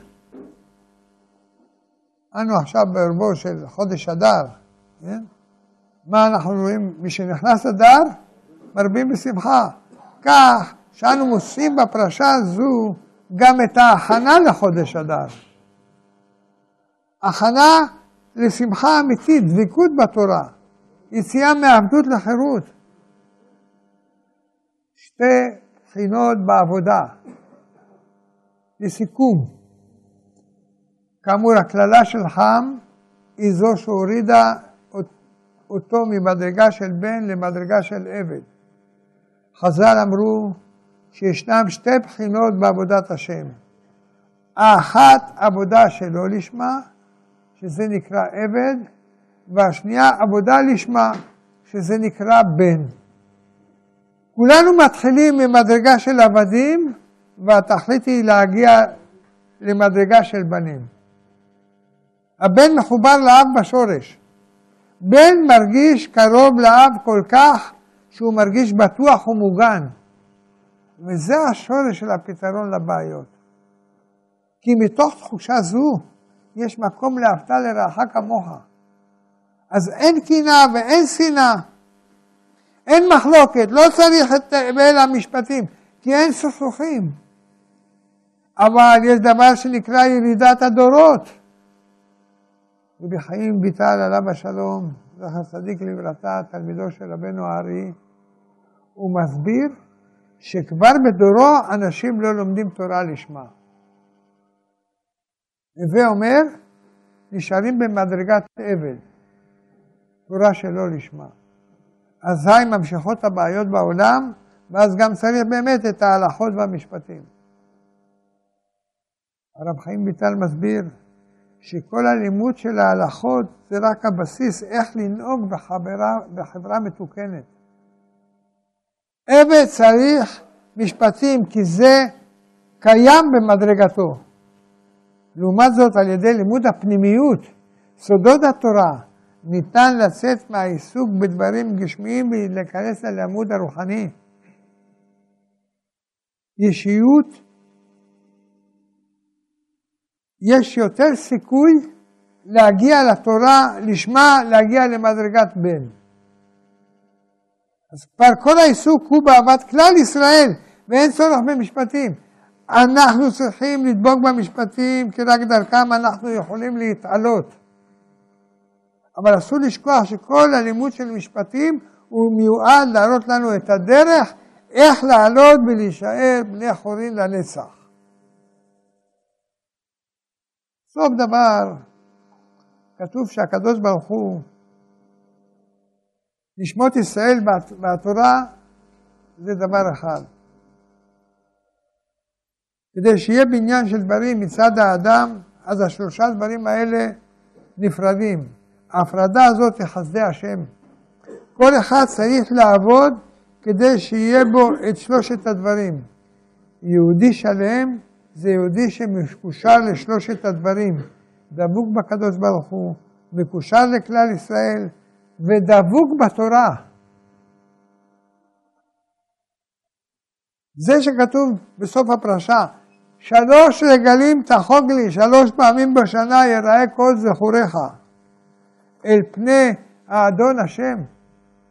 אפשר להתראות עם הקדוש ברוך הוא כבן שמתראה עם אביו ביום שמחתו, אז יש את השמחה האמיתית. ברגלים, כל שלושת המקורות של השמחה מתאחדים. הקדוש ברוך הוא עוז וחדווה במקומו. התורה, פקודי אדוני ישרים, מסמכי לב. וכלל ישראל, כשכל עם ישראל ביחד יש שמחה שלמה. הנה מה טוב ומנעים, שבטח הם גם יחד. כל אלו נפגשים, יש קריאת התורה, יש מעמד הקהל, יש מפגש ראייה עם הקדוש ברוך הוא. זה מעמד של בנים עם אביהם. שש שנים יעבוד, ובשביעית יצא לחופשי חינם. גם כל העולם יצא לחופשי חינם באלף השביעי, ונהיה כולנו בני חורין, חופשיים מצרות, בנים להשם אלוקינו, בנים חביבים. אנחנו פותחים בחסדי השם בעניין בגדי כהונה, נדבר על המקדש, נראה צפונות בתוך תורתו הגדולה. המקדש הוא המקום היסודי שממנו יבוא התיקון השלם. לכן בואו נמצאו שלושת הבחינות הללו, גוף, לבוש והיכל. רבותיי, בחסדי השם, אנחנו, נהיה לנו כמה שבועות על עניין של בגדי כהונה. אז מי שישים לב על זה, אז ידע את הפתיחה של, של השער. גם לא גמרנו עוד את הזה, אבל בחסדי השם נגמור ונעשה את הכל. אז לכן, אני מבקש שאם אתם תמצאו את, את עצמכם ורוצים להיות בשיעורים, יודעים על מה מדובר, תשימו לב פה, ובעזרת השם, בחסדי השם, כולנו נבין עוד ועוד ועוד סודים עליונים ולזד דרזין. אז אנחנו יודעים שהמקדש הוא המקום היסודי שממנו יבוא התיקון השלם. לכן בואו נמצאו שלושת הבחינות הללו, גוף, לבוש ואחד. בכל אחת מהבחינות הללו נמצא, נמצאה הדרגה מהנקודה הנמוכה עד הנקודה הגבוהה כקודם החטא. דבר זה היה בבחינת סולם, שסימן את המקום בו ההוויה נמצאת וטיפס מעלה, אל המקום אליו היא צריכה לשוב. כך, סוד ההיכל הוא בבחינת המקום עצמו, ובו באה הדרגה מהר הבית אל החיל, ומשם אל עזרת נשים, עזרת ישראל, ההיכל וקודש הקודשים. גם סוד הגוף היה בהדרגה. היה הדרגה מאומות העולם שבאו להקריב את ישראל, אל ישראל, וקיבלנו לוויים, כהנים והכהן הגדול. גם לבושים הייתה הדרגה מלבושי כהן אדיוט, אל לבושי כהן גדול ואל לבושי יום הכיפורים. זה צריך להבין יסוד גדול. הגוף והלבוש וההיכל הם כלים שונים לגילוי הנשמה אור האלוהות. עיקר התגלות האור תלוי בהם. משל למלך, שאף שהוא מלך גדול, אם ילבש בגדי אדיוט וילך ברחובה של עיר, לא יכירו הבריות. כך בנמשל. הכלי מביא לידי ביטוי את האור. אף שהאור הוא שורש הכל, מכל מקום, ההתגלות בפועל היא תלויה בכלי. וכך, ככל שהכלי הוא זך ועליון יותר, כך התגלות של האור תהיה עליונה יותר. ככה הזרה בהיכל בקודש הקודשים. יש דרכות שונות מבחינת הכלי החיצוני, סוד ההיכל, המקום. קודש הקודשים הוא מבחינת ההיכל המזוכח ביותר, שמביא לידי גילוי את ההערה העליונה ביותר, ממש כמו האור שהאיר בגן עדן מקדם. כיוצא בדבר, בסוד הבגדים, לבושים. אלו לא היו רק עניין של יופי חיצוני, אלא דרגות שונות של גילוי הקדושה. הבגדים הללו הביאו לידי ביטוי את האור העליון, עד שבגדי כהן גדול ביום הכיפורים היו ממש כותנות אור באלף, כמו לבושי אדם הראשון בגן עדן. זאת השיבה שהיה יכול גם להיכנס עמם אל קודש הקודשים, שהוא בבחינת ההיכל של גן עדן. כך הכהן הגדול בבגדי לבן, בקודש הקדשים, הוא בבחינת גוף לבוש בהיכל שהיו קודם החטא, ובהם מופיעה הנשמה השלמה, כאותה הופעה שהייתה לפני הנפילה הקדמונית. אני אחדד מעט את הדברים, בחסדי השם. הנה, ביום השבת אנחנו לובשים, לובשים בגדי שבת. רבנו הארי וכולם, כל הספרים הקדושים אומרים שאדם צריך להכין לו לבוש לשבת, לבוש לשלושת הרגלים, כל אחד שונה מהלבוש. אבל צריך להכין שוב שבת, אתה יודע שהוא לובש לשבת. אנו, אנו מחדדים את הדברים, כן? בשבת אנחנו לומדים בגדי שבת, ובכך אנחנו מבטאים את קדושת היום. כך יש בגדים ליום טוב. בגדים ליום חול. בגדי עבודה ובגדים לשינה, פיג'מה בלשון הזה. לפי השוני במצב החיים, כך משתנים הבגדים. ומבטאים בעצמם את אותה מדרגה שבאותה עת. למעשה יש גם בגדים עליונים יותר. הם סוד לבושי הנשמה בגן עדן. מבואר בספרים שהתורה שאדם לומד רוקמת לו בגד לעולמות העליונים. סודות התורה הם בבחינת לבושי גן עדן העליון, ופשטי התורה הם לבושי גן עדן התחתון. מבואר שאין אדם יכול להיכנס לשום מקום ללא בגדים התואמים את תורות המקום, שהם בבחינת כלים לאותה הערה שמאירה בהם. משל, למקומות שמדברים בהם בשפות שונות, כשאדם יודע את שפת המקום, הרי שהוא יכול להבין את המתרחש שם. יש לו כלים כדי להשתייך לאותו המקום. זה סוד הבגד, שהוא משייך את האדם לאותו מקום. בלי בגד, דומה האדם למי שנכנס למדינה שאינו מכיר בשפתה. שהוא זר ואין מקומו שם. ככה האדם שלובש בגדי עבודה בשבת קודש, הרי שהוא שאינו שייך על קדושת היום. להפך, מי שלובש בגדי שבת בהיותו בעבודתו במוסך, הרי שהוא פוגם בקדושת השבת. כי משתמש בבגדיה למקום שאינו הולם אותם. זוהי הסיבה שהאדם הראשון הופשט מכותנות האור, כי נפילתו למטה הורידה אותו ממקום הקודש, עד שאינו ראוי ללבוש את הבגדים העליונים, השייכים דווקא לנשמה שהיא דרה בגן עדן, ולא בעולם החומר העכור הזה.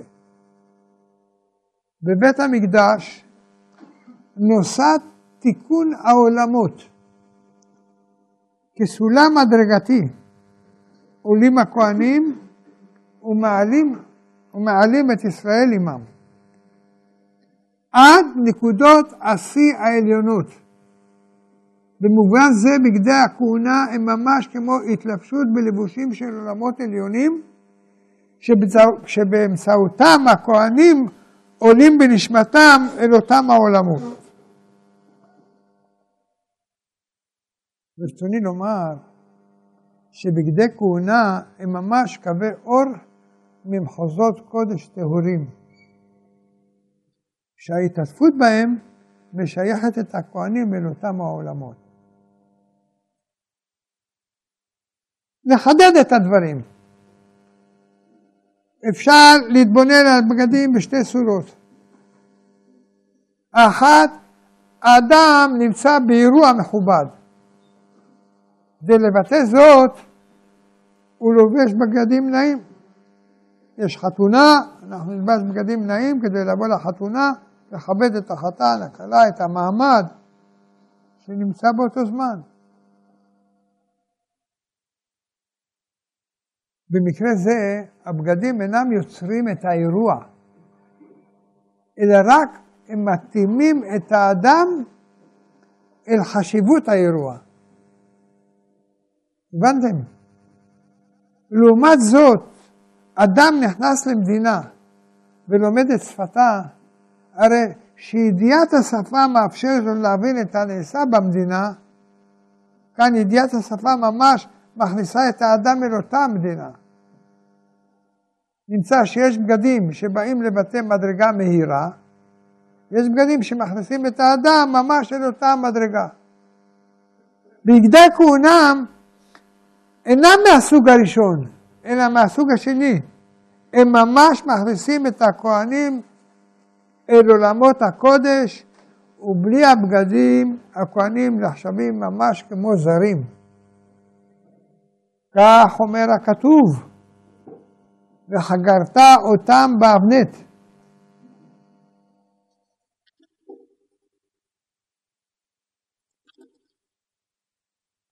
והייתה להם כהונה. למדו חכמים בזמן שבגדיהם עליהם כהונתם עליהם. אין בגדיהם עליהם, אין כהונתם עליהם. אלא הרי הם כזרים ונאמר עזר הקרב יומת. כללו של דבר, בגדי כהונה הם ממש הלבושים מהעולמות העליונים, מכוחם יכולים הכהנים להשתייך אל אותם העולמות, להעירם ולהמשכם אל העולם הזה הירוד, כך שנפלו העולמות בחטא הקדמוני, וכותנות האור נעשו כותנות אור בעין. ייסד הקדוש ברוך הוא את התיקון בבית המקדש. בגדי כהונה, הם עשויים בהדרגה, עד בגדי לבן של כהן גדול ביום הכיפורים, שהם ממש התפשטות ותנות אור. את השפעתם של בגדי כהונה על עם ישראל, אנחנו מוצאים אותה בגמרא. במסכת ארכין. אני יודע שפה יש הרבה שלמדו מסכת ארכין. אומר, אמר רבי ענני בר ששון, למה נסמכה פרשת בגדי כהונה לפרשת קורבנות? לומר לך, מה קורבנות מחברים? אף בגדי כהונה מחפרים. כותרת מחפרת על שפיכת דמים, דכתיב ויתבלו את הכותרת בדם, מכנסיים מחפרים על גילוי עריות, דכתיב ועשה להם מכנסי בד לכסות בשר ערווה. מצנפת מחפרת על גסי הרוח, כדרבי חנינה דאמר רבי חנינה, יבוא דבר שבגובה ויכפר על מעשה גובה. אבנט מכפרת על ערעור הלב, האיכא דאיתא דכתיב היה הלב אהרון, חושן מכפר על הדינין, דכתיב ועשית חושן משפט, אפוד מכפר על עבודה זרה, דכתיב אין אפוד וטרפים, מעיל מכפר על לשון הרע, אמר הקדוש ברוך הוא, יבוא דבר שבכל ויכפר על מעשה הכל, ציץ מכפר על מעשה עזי פנים. יכתיב אחא והיה על מצח ארון, וכתיב התם ומצח אישה זונה, היה לך.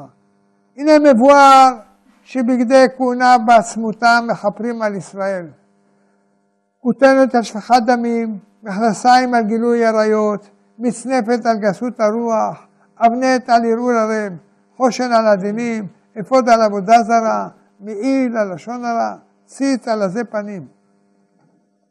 למעשה מגמרא זו נפתח הפתח להבין באופן רחב יותר את מהות הבגדים בכלל ובגדי כהונה בפרט.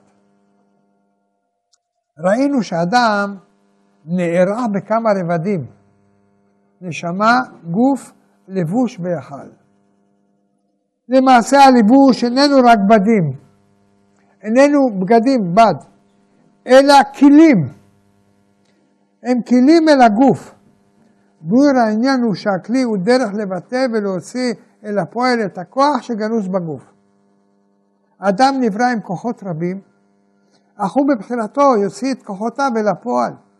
יכול אדם לעשות פעולות טובות עם כוחותיו, ועלול לפעול לרע בהרס, בר מינן. עצם הכוחות נתונים, נותנים בו, שהם נתונים בו, אך הוצאתן אל הפועל, ביטויה למעשה, זה תלוי בבחירת האדם. למעשה זה היחס בין הגוף ובין הלבוש. הגוף הוא דבר נברא, כוחות שניתנו לאדם מאת הקדוש ברוך הוא, מאת השם. עיקר עבודת האדם היא בהוצאת כוחותיו אל הפועל, סוד הבגדים. מעשה טוב כמוהו כבגד נאה לכוחות האדם. ומעשה שלילי כבגדים צועים. כך אדם שיש לו כישרון טבעי של מנהיגות, אם ינווט כישרון זה לכיוון חיובי, להוביל אנשים בדרך נכונה, הרי שיעשה לכישרון זה בגד נאה, ביטוי טוב, כלי יקר. ואם חלילה ינצל כוח זה לשלטנות וניצול, יחשב הדבר לטמא, או לבגד טמא. הבגדים הם הביטויים של הנפש, לכן הם נקראו מידות, כי הם הלבושים המלבישים את אברי האדם. למעשה הנשמה מתלבשת בגוף והגוף בבגדים. אדם יכול להחליף את בגדיו, אך לא את גופו. ברצוננו לומר שעיקר בחירת האדם איננה במישור הגוף, עצם כוחות החיים, אלא בניתוף שלהם, שהוא סוד הבחירה, הוא סוד הלבוש. לכן מדרגת הגוף איננה נפרדת ממדרגת הנשמה, מה שאין כן הלבוש, שהוא תלוי בבחירת האדם ומעשיו. אם ינהג מנהג ישר, ילביש עצמו מחלצות, ואם לאו יהיו בגדיו פצועים, בגדים פצועים. זה מה שמובן בספרים, שעיקר כוח הבחירה החופשית מושרץ בסוד הרוח, סוד עולם היצירה, שהוא סוד הלבוש. לעומת הגוף, סוד עולם הבריאה, שהוא דבוק באצילות בלי להיפרד ממנו. כך אברי האדם הם עצם כוחותיו. ראשו, לבבו, ידיו, רגליו.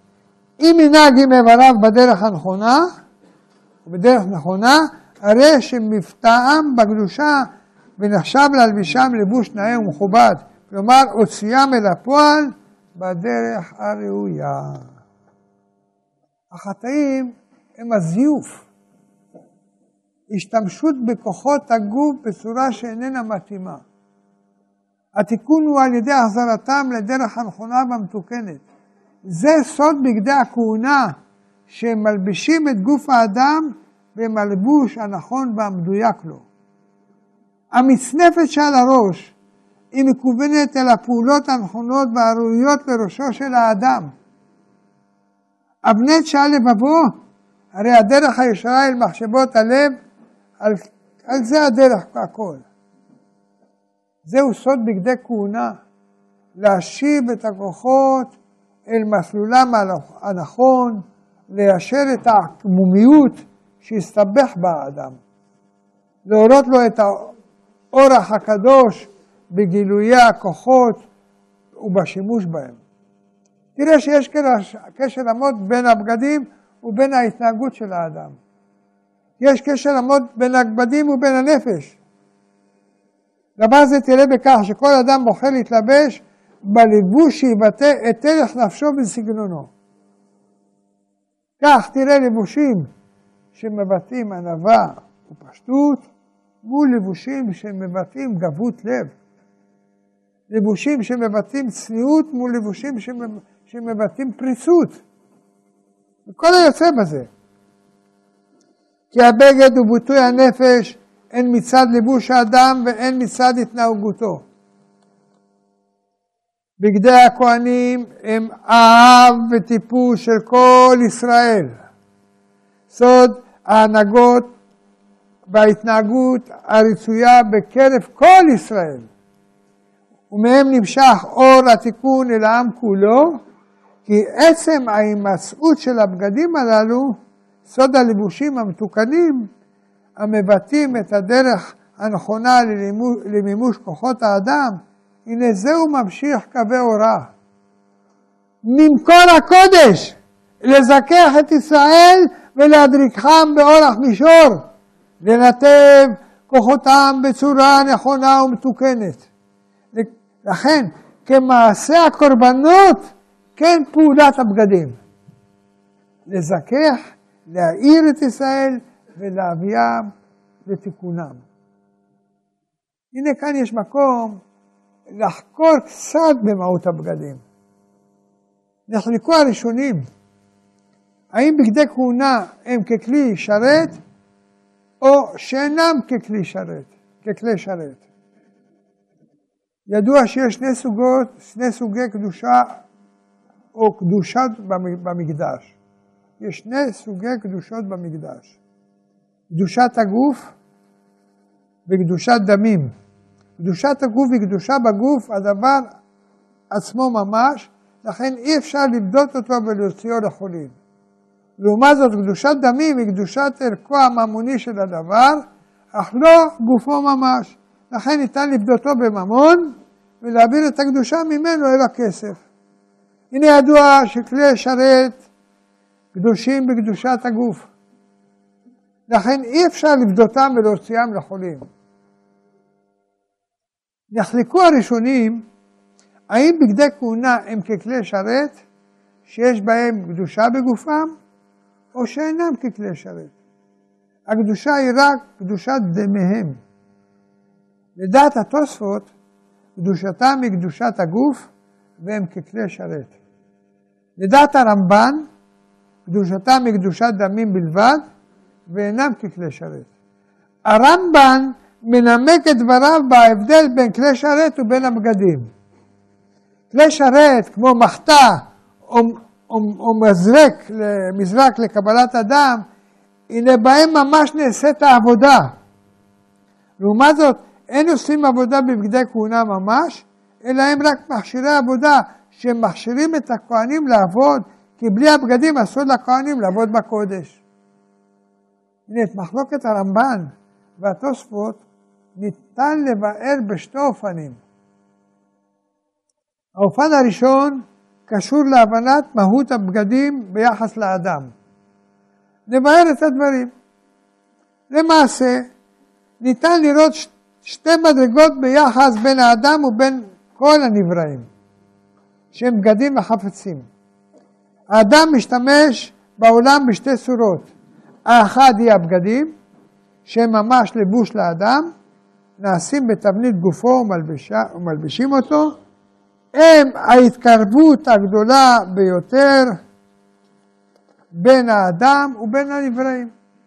מלבד האכילה, לאחריהם באים החפצים, שהם כלים לשימוש האדם לצורך מלאכתו, ביתו וכל חייו.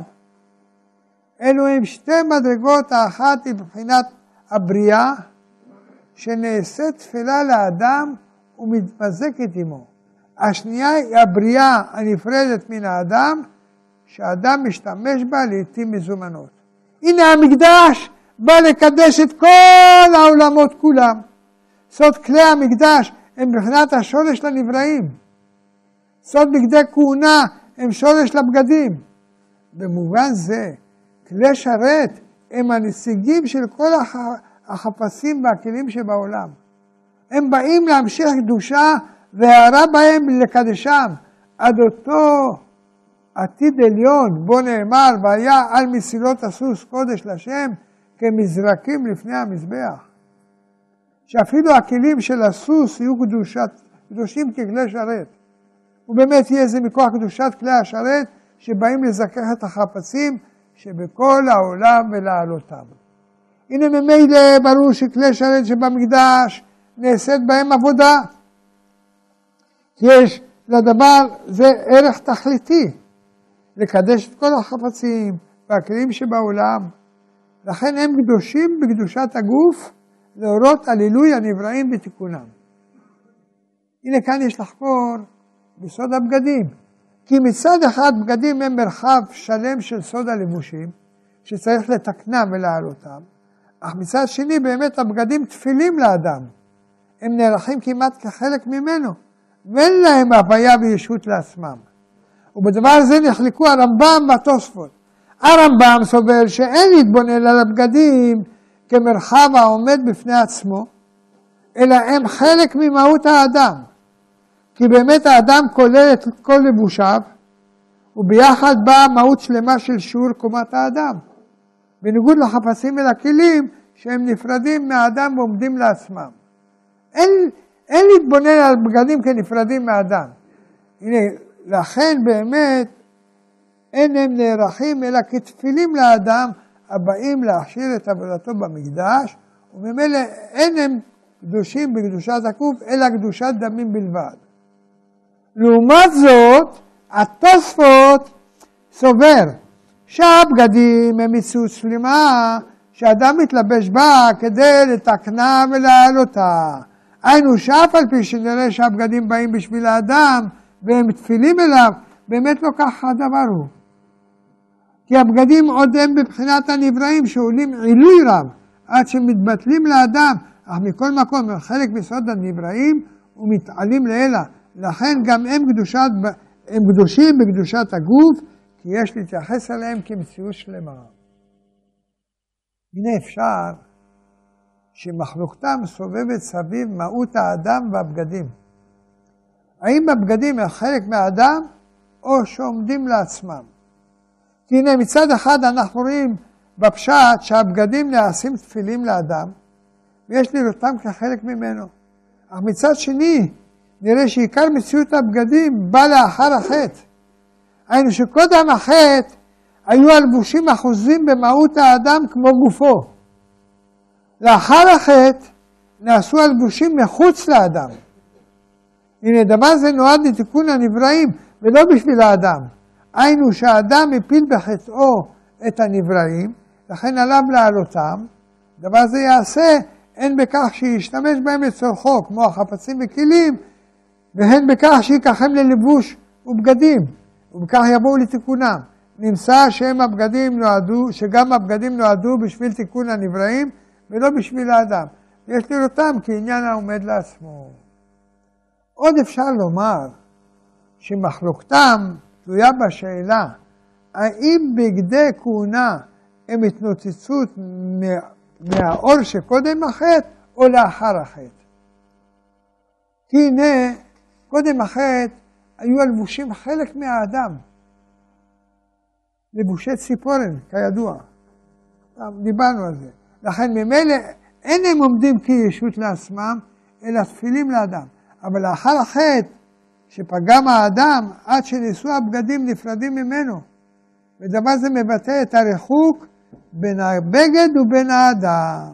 כי היכולת להוריד את הבגד מראה שאין הוא דבוק באופן מוחלט באדם, ויכול לבגוד בו. מה ביאור העניין? ביאור העניין הוא שדבר שאי אפשר להפשיטו הוא מורה על מציאות מתוקנת. כמו לדוגמה, תפילה ותורה, שהם קדושים מאוד, ואי אפשר להסב אותם לקליפה. מה שאין כן כוחות אנושיים כמו אהבה ורחמנות וכיוצא בזה, שהם כוחות שנפגמו, לכן עלולים לבטא את רוח הטומאה.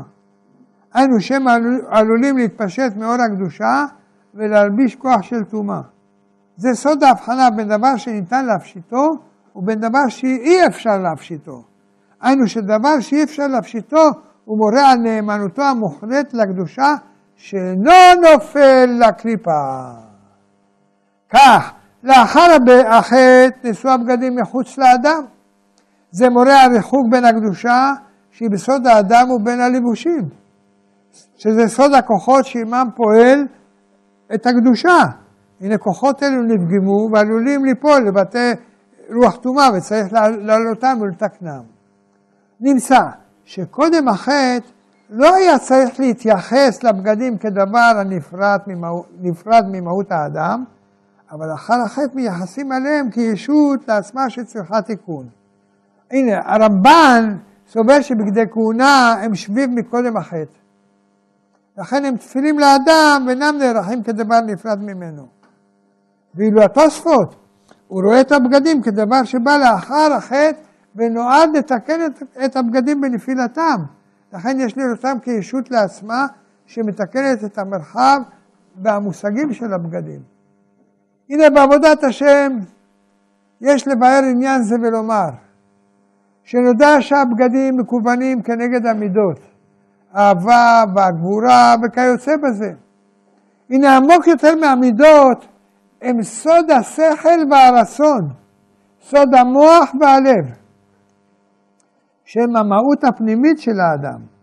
הנה באמת כל המידות הם כלים בשביל לבטא את המחשבות הפנימיות של האדם. כי מחשבות הקודש והדבקות הפנימית בשם הם יסוד הכל של עצם הדבקות בשם יתברך. הנה תבין שאדם שכל מוחו ולבבו מאירים באור גדולת השם, הוא מכיר בכל חדרי לבבו כי אין עוד מלבדו. הנה, הוא איננו צריך לעבוד על מידותיו כדי, כלל כדי לתקנם. כי ההכרה במציאות השם, היא ממלאת אותו ממילא בענווה, בשפילות רוח, והאמונה בשם ממלאת את לבבו בשלווה, בנדיבות לב וכל היוצא בזה. אז כללו של דבר, אדם שכל לבבו ומוחו דבוקים בקדוש ברוך הוא, אין הוא כלל צריך להביט על מידותיו ולפעול לתקנם. הנה, כך היה קודם החטא. תבינו שהיה אדם מואר בבהירות באור השגת השם, עד שלא היה צריך לעבוד, כלל לעבוד על מידותיו ולתקנם בפני עצמם. זה סוד הבגדים שהיו בטלים באדם, היינו שעיקר עבודתו היה בסוד המוח והלב בדבקות השם. ממילא היו מידותיו מתוקנות. אך לאחר החטא נפל האדם והוחשכה דעתו ואור לבבו, נאטם בקדושת השם. לכן נעו מידותיו אחר אהבות מקולקלות, ושכחת השם סביבה גאות לב ותאווה וכעס וכל מידות רעות. עד שצריך האדם לעבוד עבודה כפולה. הן בסוד מוחו ולבבו, והן בסוד תיקון מידותיו עצמם. כי כעת לא מספיק שיתבונן באלוהות מחמת חולשת כוח והתבוננות שאינו חודר מספיק להפך טבע המידות ולאשרם. לכן צריך לעבוד במקביל, הן בגדולת הטעת והשגה באלוהות, והן בתיקות המידות וישורן. להכניע את התאווה והקמסנות וכעס וכיוצא בזה, ולזכך מידותיו בדרך מישור. זה סוד מציאות האדם לאחר החטא, שנעשו המידות חטיבה בפני עצמה. אינם בטילים באדם ובעצמו.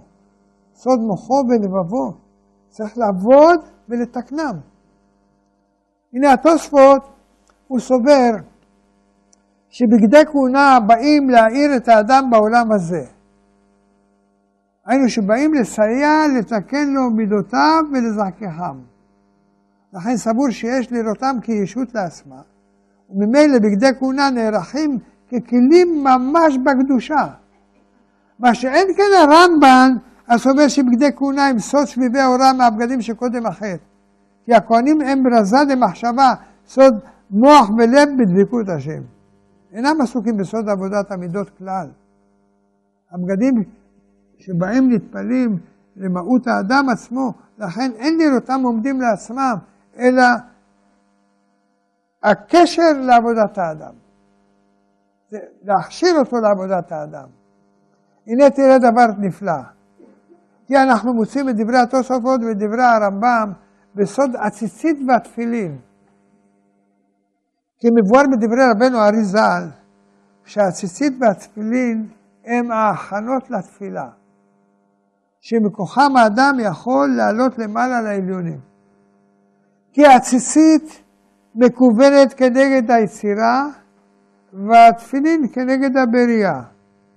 מכוח הציצית יכול האדם להיכנס להיכלות היצירה בפסוקי דזמרה, ומכוח התפילין יכול להיכנס להיכלות של הבריאה בסוד יוצר אור בקריאת שמע. הנה מצד שני אנחנו יודעים שהציצית והתפילין הם גם מצוות העומדות לעצמם. כי בלא התפילה יש מצווה לאדם להניח תפילין וציצית. נמצאו שיש שתי בחינות, אחת כמצווה העומדת לעצמה, השנייה כתיקונים להכנות לתפילה, שעילוי האדם בעצמו. הנה ידוע שהציצית והתפילין הם בבחינת בגדי כהונה.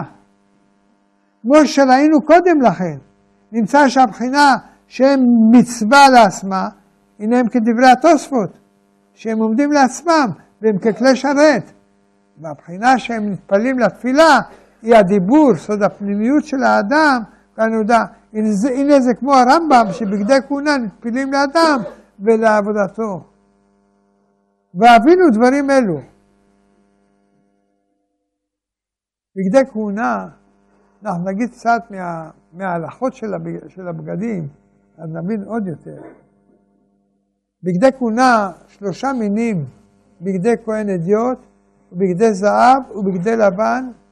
בגדי כהן אדיוט הם ארבעה כלים, כתונת ומכנסיים ומגבעות ואבנת, וארבעתן של פשתן לבנים, וחוטן כפול שישה, ואבנת לבדו רקום בצמר. אנחנו רואים שבגדי כהונה הם שלושה מגנים. בגדי כהן אדיוט ובגדי זהב ובגדי לבן. הנה אנחנו רואים שלושה מינים בבגדי כהונה. האחד הוא בגדי כהן אדיוט, השני הוא בגדי זהב של כהן גדול, והשלישי הוא בגדי לבן של כהן גדול ביום הכיפורים. שלושת המינים הללו הם שלוש מדרגות, שלוש מדרגות הן. כי תבין סוד גדול, שכל ההוויה נערכת בבחינת שלוש מדרגות שהן נפש, רוח ונשמה. ובאמת ידוע שהנשמה נחלקת לשלוש בחינות, נשמה, חיה ויחידה. על כן אלו הם שלוש מדרגות של חמש. אלא שלפעמים אין אנחנו מפרטים אותם לחמש, מפני שעיקר התיקון צריך להיות בסוד נפש, רוח ונשמה, שבהם היה הפגם. אך לא במדרגות העליונות ביותר. כי כפי שראינו, החל לבוש בגוף, סוד עשייה, יצירה ובריאה, הם העולמות הנפרדים, אותם בחינות שנפלו בחטא וצריכים לתיקון. לכן תמצא שבעיקר שלוש מדרגות, אך אם תתבונן לעומק תמצא עם חמש מדרגות. אם כן, אנחנו מוצאים שלוש דרגות בבגדי כהונה. כנגדם מצינו בכתוב שלושה בחינות המוזכרות בבגדי כהונה. ועשית בגדי קודש לארון אחיך לכבוד ולתפארת, לכן הוזכר על כהן אדיוט לכבוד ולתפארת, ובחינה נוספת עליונה יותר הוזכרה בבגדי הכהן את בגדי השרד לשרת בקודש. הכבוד והתפארת והשרד הם אלו שלוש מדרגות בסוד נפש, רוח ונשמה. הכבוד כנגד הנפש, התפארת כנגד הרוח, השרד כנגד הנשמה. כך לימדו, שהמילה שרד היא מלשון שריד, מאותם הבגדים של קודם החטא הקדמוני. הזוהר מסביר את זה באופן יותר, יותר עמוק.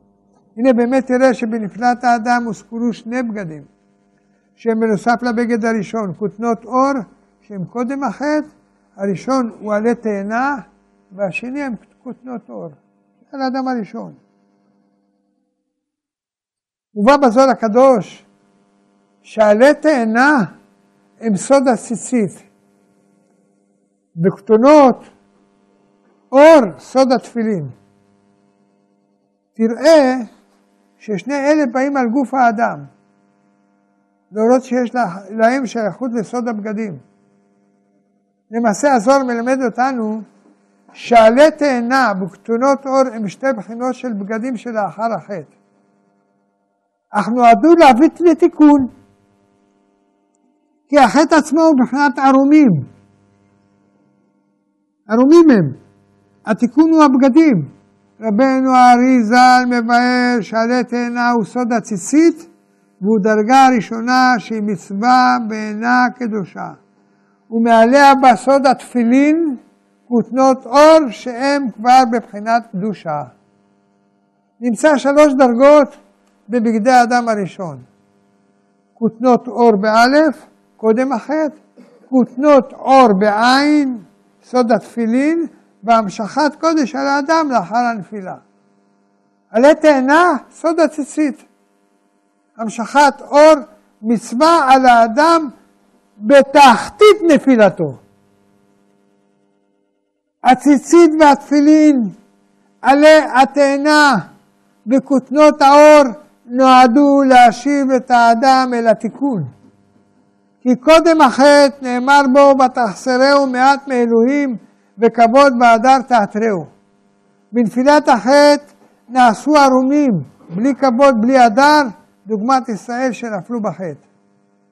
שלושת המדרגות הללו הם השורש לשלושת המדרגות שבמקדש, בגדי כהן אדיוט כנגד הציצית, בגדי כהן גדול בכל השנה, סוד התפילין, ובגדי לבן ביום הכיפורים, סוד כותנות אור באלף. אלה הם שלושת הבחינות שהוזכרו בכתוב, כבוד, תפארת ושרד. הציצית היא סוד הכבוד, שהוא המדרגה הבסיסית של הבגדים, כמו שרבי יוחנן קרא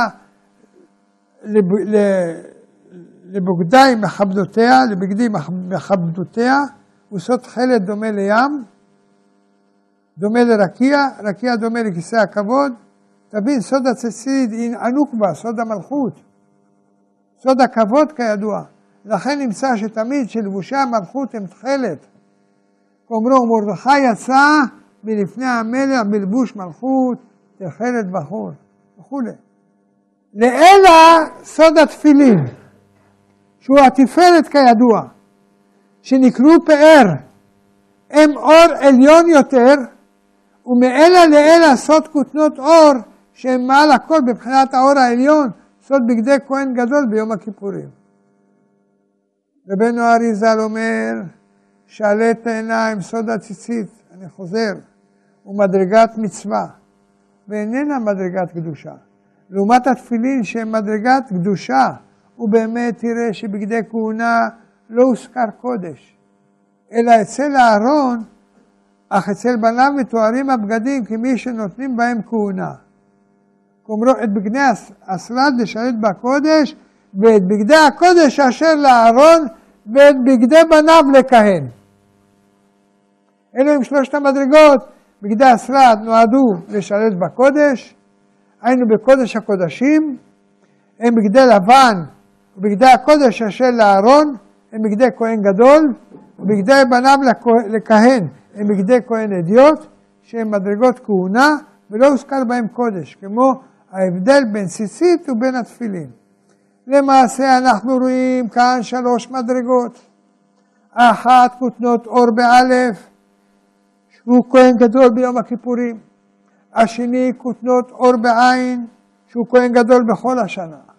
וסוד התפילין השלישי, עלי תאנה, כהן אדיוט, יסוד הציצית, שלושת המדרגות הללו הם שלוש קומות, נפש, רוח ונשמה, וכנגדם בעולמות עשייה, יצירה ובריאה, נתבונן בהדרגה דרך עניין הציצית והתפילין.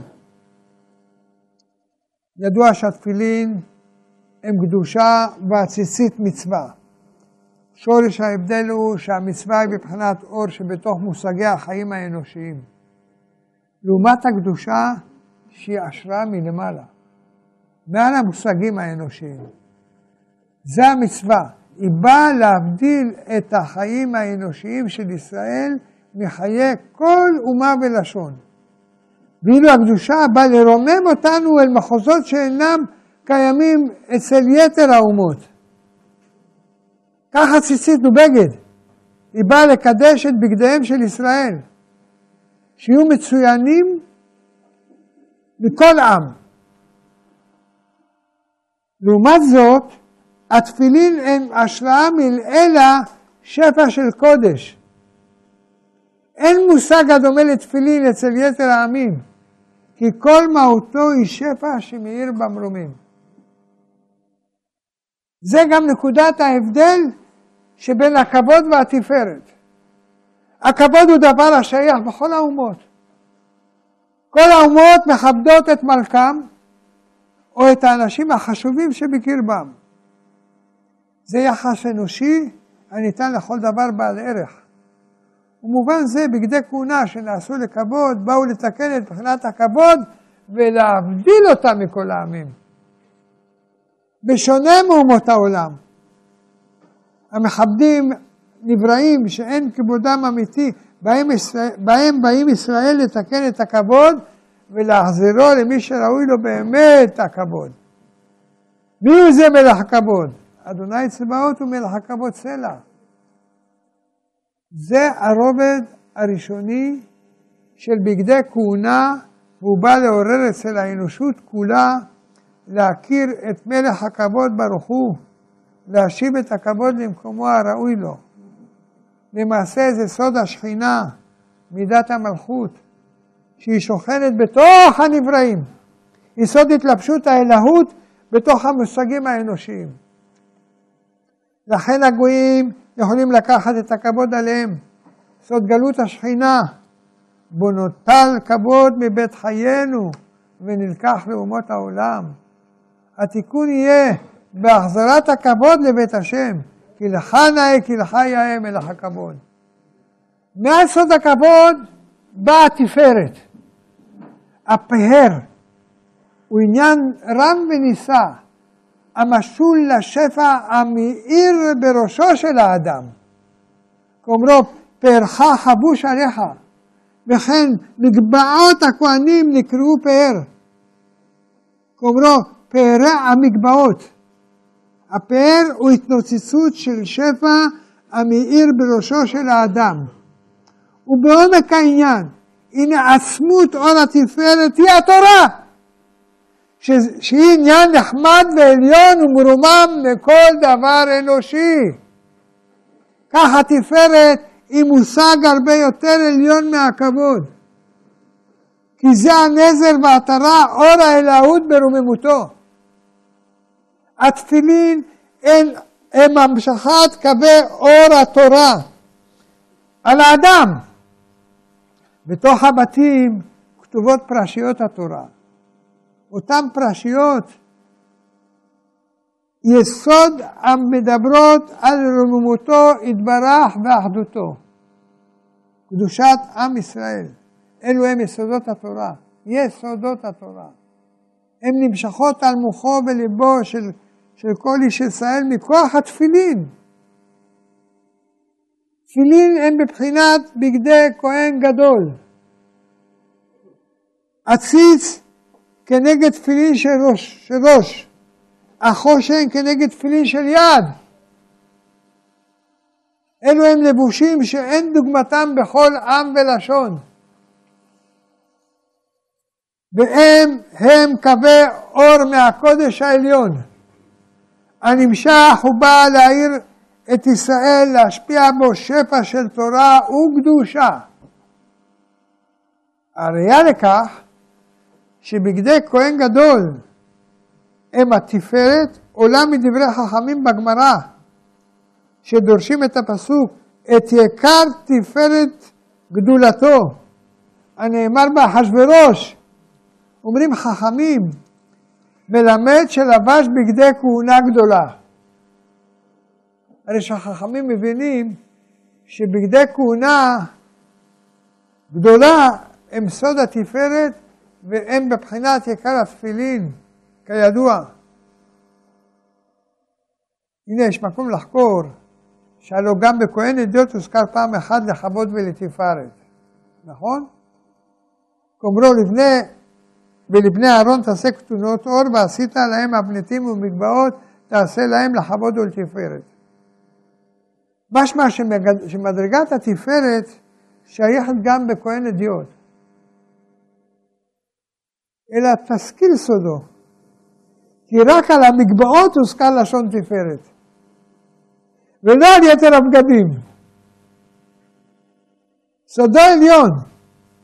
כי המגבעת היא בבחינת כתר. ידוע שהכתר של המלכות נעשה מאור התפארת. יסוד הכתר הוא נקודת החיבור בין אותם מדרגה והמדרגה שמעליה כידוע. לכן הוזכר בהם כבוד ותפארת, סוד מלכות ותפארת שמתחתים בכתר כנודע. דרך אגב, הבאנו את זה כאן. כידוע תפארת יסוד התורה, אור קודשה הוא, השפע שמעל המושגים האנושיים. נמצא שהכבוד הוא סוד הקדושה שבתוך העולמות, סוד השכינה, והתפארת סוד השפע ממרומים, סוד אור קודשה ברכו. הרי מבואר עומק הפסוק, ועשית בגדי קודש לכבוד ולתפארת. סוד כבוד ותפארת הם שלמות הייחוד הם שלמות האיחוד בין ישראל ובין התורה, בין הכבוד והתיקון, בתיקון העולם. סוד השכינה ובין התפארת סוד התורה המאירה בישראל את שפע קדושתה. הנה תבין סוד של העניין, כי עמוק הוא. ראינו שהכבוד הציצית, שהם בגדי כהן אדיוט, הם סוד הנפש.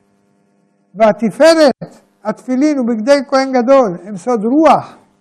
למעשה הנפש והרוח הם הלבושים לאור הנשמה. כשהם מתוקנים, הרי שהנשמה חלה בהם בזוהר אורה. כשחטא האדם הראשון, הסתלקה ממנו נשמתו, ורוחו ונפשו נפגמו בפגם החטא. צריכים תיקון. עלה תאנה סוד עציצית הוא תיקון הנפש. כותנות אור בעין, סוד התפילין, הוא תיקון הרוח. בשעה שיתוקנו שניהם וישובו להתאחד בקודש, אז תוכל הנשמה העליונה לשלוט בהם.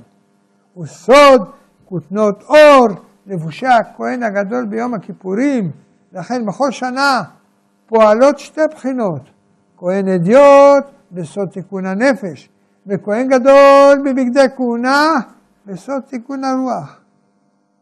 נוסיף עוד דבר, עוד נופח. עניין זה שבגדי כהן גדול כנגד הכבוד, סוד המלכות, ראה קהילת יעקב ובמגיד מישרים, אמר שבגדי כהן גדול, אדיוט בנצח ובגדי כהן גדול בחסד. נראה לומר שידוע שהחסד הוא סוד, הוא שורש חסד, גבורה, תפארת. שהם כוח הדוך והכנודה, סוד התפארת. והנצח הוא סוד נצח חוד יסוד, שהם כוח הנוקבה, סוד המלכות. לפי זה התיישבו דבריו עם המבואר למעלה. זה לאנשי חן. לכן בכל השנה פועלות שתי בחינות, כהן אדיוט בסוד תיקון הנפש, וכהן גדול בבגדי זהב בסוד תיקון הרוח. ובשלמות השנה, בתום סיבוב של תיקון שנתי, מתנוצצת מדרגת הנשמה סוד כותנות הור באלף. אנחנו ידענו ולמדנו שבגדי כהן אדיוט הם ארבעה כלים, כותנות ומכנסיים ומגבעות באבנט. ארבעתן של פשתן לבנים וחוטן כפול שישה והאבנט לבדו הוא רקום בצמר. כאן הרמב"ם מונה את ארבעת בגדי כהן אדיוט, כאמור, ארבעה בגדים אלו מקוונים כנגד המלכות, סוד לבושי כבוד, ומהם מושרש סוד הסיזיד בבחינת התכלת. ובעזרת השם נתבונן בכל בגד ובגד בהמשך ההלכות. רק נציין בקצרה כמה נקודות ממה שמובא בסוף ההלכה. ראשית כל, הרמב"ם מלמד שכל הבגדים עשויים מפשתן, הרוגים מחוט שעשוי משש חוטים. עניין זה יתבהר בעזרת השם בהמשך, בהמשך השיחות. בסוד ו', שש חוטים ו', כי אנו מוצאים ארבע בגדים לאדיוט, והוספת ארבע לכהן גדול, לעשותם שמונה, וארבע בגדי לבן ביום הכיפורים, הרי שיחדיו עולות שתים עשרה. סוד י"ב שבטים בסוד ו' ושורשם כנודע, ואין כאן מקומו להעריך בזה כרגע. בכל מקום, הבאנו פה את פסקי הרמב"ם בעניין כהונה בגדים, הרמב"ם מלמד אותנו שכל הבגדים עשויים מפשתן, מלבד האבנט, שהוא מעין חגורה שעשוי מפשתן, אך הוא רקום בו גם צמר. למעשה היו בו קליים, נכון? לא להיבהל. הנה באמת נחלקו בגמרא לגבי העניין הזה, כי מפורש בתורה שהאבנט של כהן גדול בכל השנה היה מכליליים. וביום הכיפורים אבנט כהן גדול היה רק מבשתן בלי צמר, שלא היה בו כליים. נחלקו התנאים לגבי אבנט של כהן אדיוט שלא פורש בתורה. שלדעת רבי היה מקליים, ולדעת רבי אלעזר ורבי שמעון היה מבוץ. כלומר פשתן ללא כליים. צריך להבין את סוד מחלוקתם. מה? כן. הנה למעשה, טעם איסור כליים הוא מפני שמחבר מין שאינו מינו. דבר זה קורא ארז של העולם. כי תיקון העולם בא בכך שכל מין יעמוד במקומו בלי תערובת של מין אחר. כי העולם בנוי מסוד ההופכים, והם מחלישים זה את זה. וכך צריך להשתמש בכל כוח במקומו, בלי לערבב, כמו האש והמים, שהם מתישים זה את זה. לכן צריך להעמידם כל אחד במקומו, כדי שישמשו בצורה ראויה. אמנם כל זה הוא בעולמות הנפרדים. לא כן הוא בסוד עולם האצילות, שהוא השורש העליון, ובו הכל נעשה אחד. סוד העניין הוא שבאמת כל ההופכים שיש בעולם יצאו מהשורש האחד, אבל שבאו בצורה מנוגדת זה לזה, מכל מקום שורשם אחד, ומכולם ביחד יאיר אור העליון של התיקון, אור האחדות. זה שראינו במכת הברד, אתם זוכרים, בו אש ומים, הצטרפו יחד לעשות רצון השם, כי באו מלעילה, סוד עולם האחדות, ובו אין מכחישים זה את זה, אלא משלימים זה את זה. תבינו עניין גדול פה, כי באמת כך היה צריך להיות גם בעולמות הנפרדים, שכל הניגודים י... ישלימו זה את זה ולא יחלישו זה את זה. בחטא הקדמוני נפלו העולמות. אך עד שכל כוח יסתגל לעצמו מבלי לרצות לקבל את השלמת זולתו. ועל ידי כך בא הניגוח והמלחמה בין הכוחות המנוגדים. וזה עצמו התבטא בקין והבל, שהיו מושרשים בסוד החסד והגבורה כידוע. היו יחדיו בשדה, ובמקום להשלים איש את אחיו, הם רבו ביניהם והרג קין את הבל. זה סוד הקלעים. צמר ופשתים, צמר מבחורות הבל, ופשתים מגידולי קין. התערובת ביניהם נהנתה, נעשתה אסורה, כי זה חיבור של כוחות מנוגדים שיצרו ארז זה לזה. אך כאמור, כל זה הוא בעולמות הנפרדים. לא כן באצילות. עלמא דייחודה. עלמא שהכל הוא אחד הוא. שהכל, שבו הכל מתחבר לשלמות. הנה לכן הציצית ובגדי הכהונה הותר בהם כליים. כי הציצית הוא מצווה עולה עד לאור האצילות. יסוד תכלת דומה לים וכולי עד כיסא הכבוד, שהוא בתחתית האצילות כידוע. כן, בגדי כהונה מושרשים הם באצילות, לכן הותר בהם בכליים. הבנתם את העניין? סוד האחדות. הנה זה ממש מה שראינו, שהמקדש בא לתקן את החטא והקלקול, לכן בגדי כהונה הותר בהם כליים, כי הם מתקנים את הכוחות המנוגדים ועושים שלום בעולם. ושאנו אומרים, עושה שלום במרומיו, הוא יעשה שלום עלינו. להביא את ברכת השלום והאחדות שבאצילות גם לעולמות של ביה, בראייה יצירה עשייה. אבל רבי סובר שגם בגדי, בגדי כהן אידיוט הותר בהם כליים, ראינו קודם לכן שבגדי כהן אידיוט מושרשים במלכות, בסוד הכבוד, והם דוגמת הציצית. אם שמתם לב להתחלה, אז אתם מבינים מה שמדובר כרגע. הנה, לפי זה מובנת היטב שיטת רבי. מדוע הותר בהם כליים? אך דברי רבי אלעזר ורבי שמעון, זכותו להגן עלינו, הם קשים. מדוע לא הותר כליים בבגדי כהן אדיוט? הוא שואל, הנה אפשר ליישב את הדברים על פי שיטת הרמק, בסוד בגדי כהונה. כי לרמק יש שיטה אחרת ממה שהבאנו עד כה בסוד בגדי כהונה. הנה הרמק מביא את תיקוני הזוהר בסוד בגדי לבן ובגדי זהב של כהן גדול, שמהם משמע שבגדי לבן הם סוד התפארת, סוד שם הוויה, ובגדי זהב הם סוד המלכות, סוד ארבע אותיות אדנות.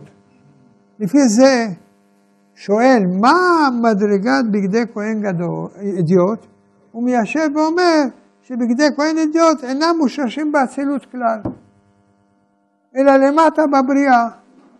רק בידי כהן גדול מושרשים באצילות, ובעזרת השם נתבונן בדבריו בהמשך. מכל מקום, לפי דברי הרמק, זכותו יגן עלינו, משמע שבגדי כהן אדיוט אינם באור האצילות כלל, אלא למטה בבריאה. לכן מובן היטב מדוע לא הותר בהם כליים. כי רק באצילות מאיר אור האחדות, אך לא בבריאה. לכן היתר כליים הוא רק בדבר ששורשו באצילות, ולא למטה מכך. אפשר לומר שרבי אלעזר ורבי שמעון הוא סובר כשיטת הרמק. שבגדי כהן אדיוט מושרשים בבריאה, ולכן האבנט שלהם לא היה של כליים, אלא של פשטם בלבד.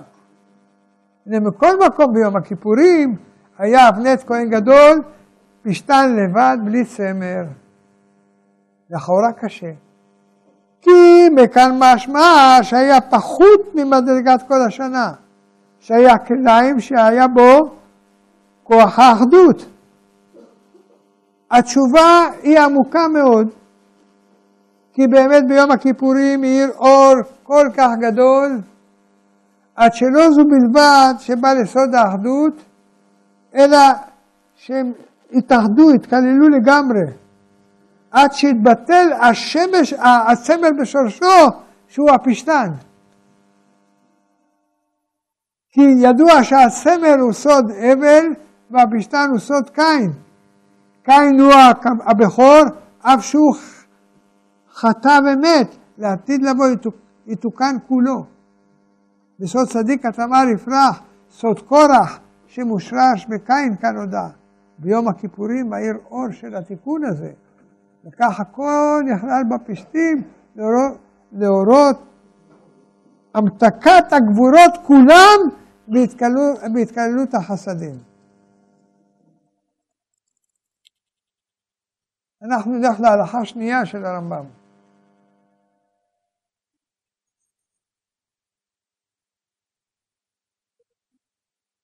הלכה שנייה של הרמב"ם, בפשט. בחסדי השם נבהר את זה בדרך הסוד. בגדי זהב הם בגדי כהן גדול והם שמונה כלים, ארבעה של כהן, מעיל, אפוד וחושן וציץ ואבנט. של כהן גדול רוקם הוא, הוא דומה במעשיו לאבנט כהן אדיוט, ומצנפת האמורה בארון היא המגבעת האמורה בבניו של כהן גדול שהוא צנוף בה כמי שלופף על השבר ובניו סונפים דו בכובע, ככובע לפיך נקרא מגבעת. דברי הרמב"ם, יש לנו פה את הסגד הרב"ד. לפיכך נקרא, נקראת מגבעת אריך. אני אומר, אין מעשהו של זה כמעשהו של זה, מצנפת ארוך הרבה וכרוך אותו כריכות הרבה ככריכות הישמעאלים, אבל מעשה המגבעת הם כן הכובע שלנו חדים מלמעלה והם קצרים. בהלכה הקודמת של הרמב"ם הוא הזכיר את ארבעת הבגדים של כהן אדיוט. כאן עובר הרמב"ם לדבר, לדבר על המין השני שהוא בגדי כהן גדול בכל השנה. הנה הרמב"ם קרא להם בשם כולל בגדי זהב. כמו שפתח ואמר, בגדי זהב הם בגדי כהן גדול והם שמונה בגדים. הפרשנים התקשו בדבריו מדוע קרא לכל שמונת הבגדים בגדי זהב. לכאורה רק ארבעה מהם היו מזהב. הם ישבו את זה בדבר, בדרכים שונות. אם תראה בכסף משנה. הנה נבקש להתבונן בדברי הרמב"ם באופן רחב יותר, וממנו נשוב לשאלה זו. לכאורה יש לשאול קושייה על מה שראינו קודם לכן. הזכרנו שבגדי כהן אדיוט הם סוד המלכות מבחינת כבוד, ובגדי כהן גדול בכל השנה הם סוד התפארת. הנה לכאורה יש כאן קושייה גדולה, שהלא מצינו בתיקוני הזוהר במקומות, בכמה מקומות, שארבעת בגדי לבן הם סוד ארבע אותיות הוויה ברוך הוא, סוד הלובן והרחמים. וארבעה בגדי זהב הם סוד שם אדנות, שם הדין. כמו שדרשו את הפסוק, כל כבודה בת מלך פנימה ממשבצות זהב לבושה. על השכינה, סוד המלכות, שהיא הלובשת בגדי זהב.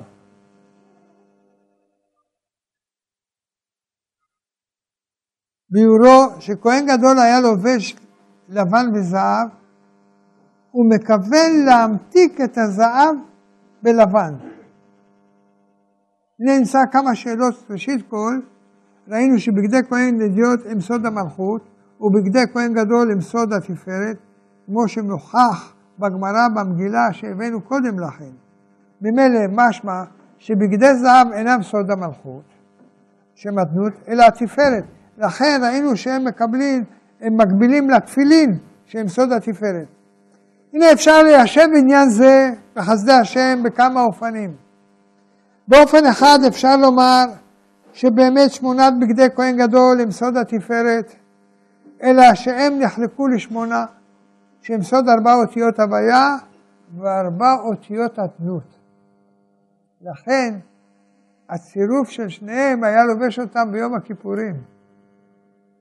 בויר העניין הוא, הנה נודע הדבר שהמלכות נכללת בתפארת, בסוד האישה שבאה מהאיש כנודע.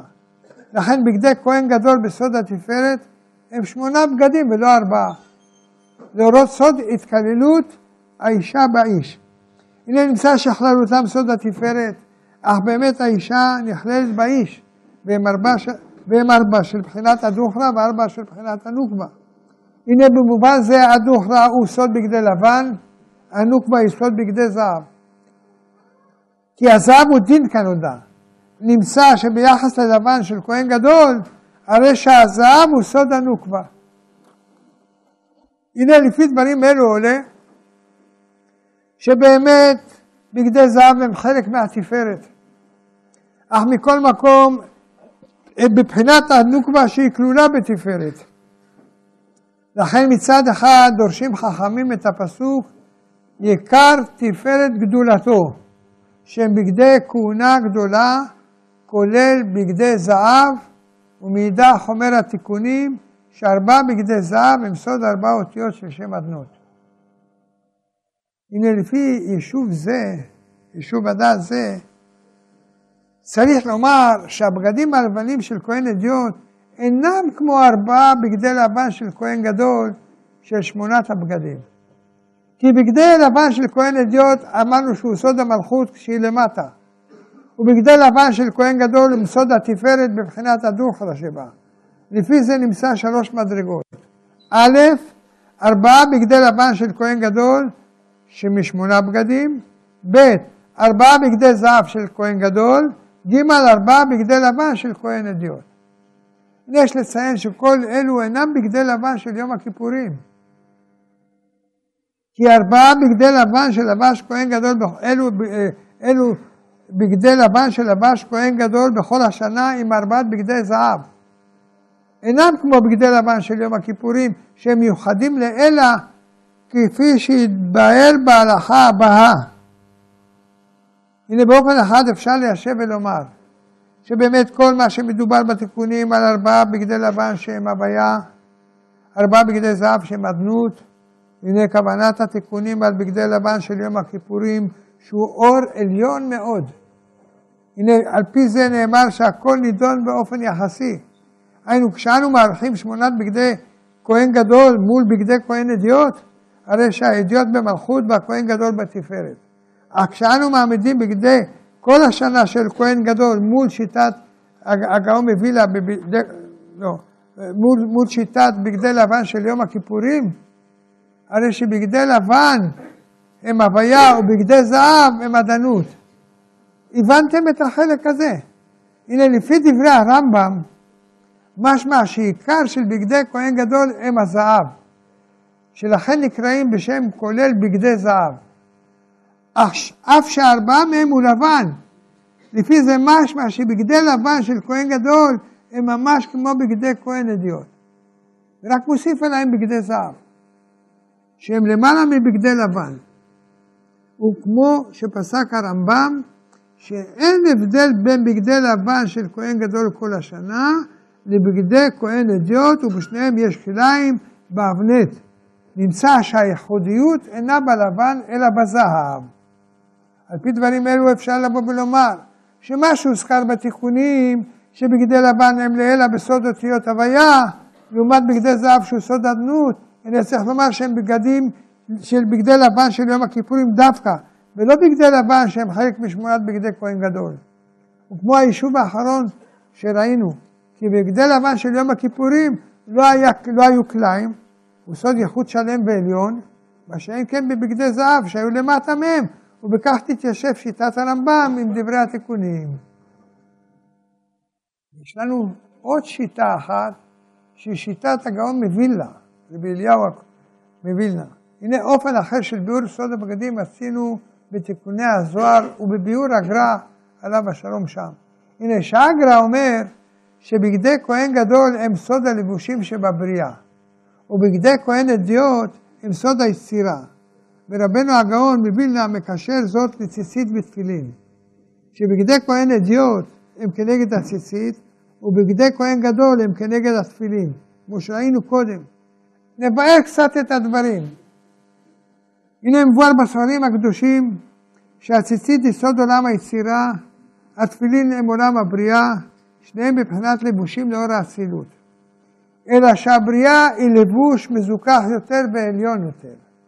הנה, אם תתבונן בהבדל הפשוט בין הציצית והתפילין, תראה שהציצית הן מבחינת בגד לאדם לכסותו, גדילים תעשה לך על ארבע כנפות כסותיך אשר תכסה בה, לעומת זאת התפילין אינם בגדים.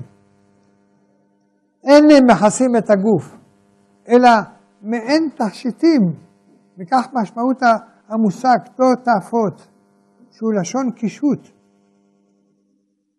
הנה תמיד יסוד ההבדל בין, בין בגדי קישוט, והוא רמז בפתח אליהו הנביא, שאומר, אנטו דאפק עשר תיקונין וקרנן לון עשר ספירן וכולי, לבושין תקנטלון. הנה יש כאן שתי ביטויים שהם תיקונים ולבושים. מבואר בספרים שתיקונים היינו קישוטים, שכך מתרגם האונקלוס, תכשיט לשון תיקון. הנה תבין את ההבדל בין הקישוט לבין הבגד. כי הבגד נועד לכסות את האדם, מה שאין הקישוט. אדרבה, הוא נועד להבליט את יופיו של האדם. כי הקישוט תכליתו לייפות, הבגד תכליתו לכסות. אף שיש בגדים נעים, מכל מקום עיקר תכליתם לכסות, מה שאין כן הקישוט שכל מהותו נועד בשביל היופי. תבין שבוודאי היופי של הקישוט נועד בשביל להבליט את היופי הטבעי של הגוף. כי אישה מתקשטת לבעלה, שהקישוטים נועדו להבליט יופי האדם עצמו. במובן זה הנה הקישוטים קרובים יותר אל הגוף עצמו ובאים להראות, להראות יופיו, מה שאין כן הבגדים שבאים לכסותו. לכן הקישוטים נקראים תיקונים, כי באים לתקן את האור שמאיר מהאדם עצמו ולהעירו החוצה. הנה בפשט אנחנו רואים שהבגדים הם הכרחיים, מה שאין כן הקישוטים שהם תוספת שבאה להג... לה... להדגיש ערכים גבוהים יותר מעצם הצורך הבסיסי של הבגדים. הנה נודע בסוד העולמות שהעשייה ביצירה הם סוד הנפש והרוח, מה שאין כן לבריאה שהיא בסוד הנשמה. תבין שהנפש והרוח הם הצדדים האנושיים הרגילים.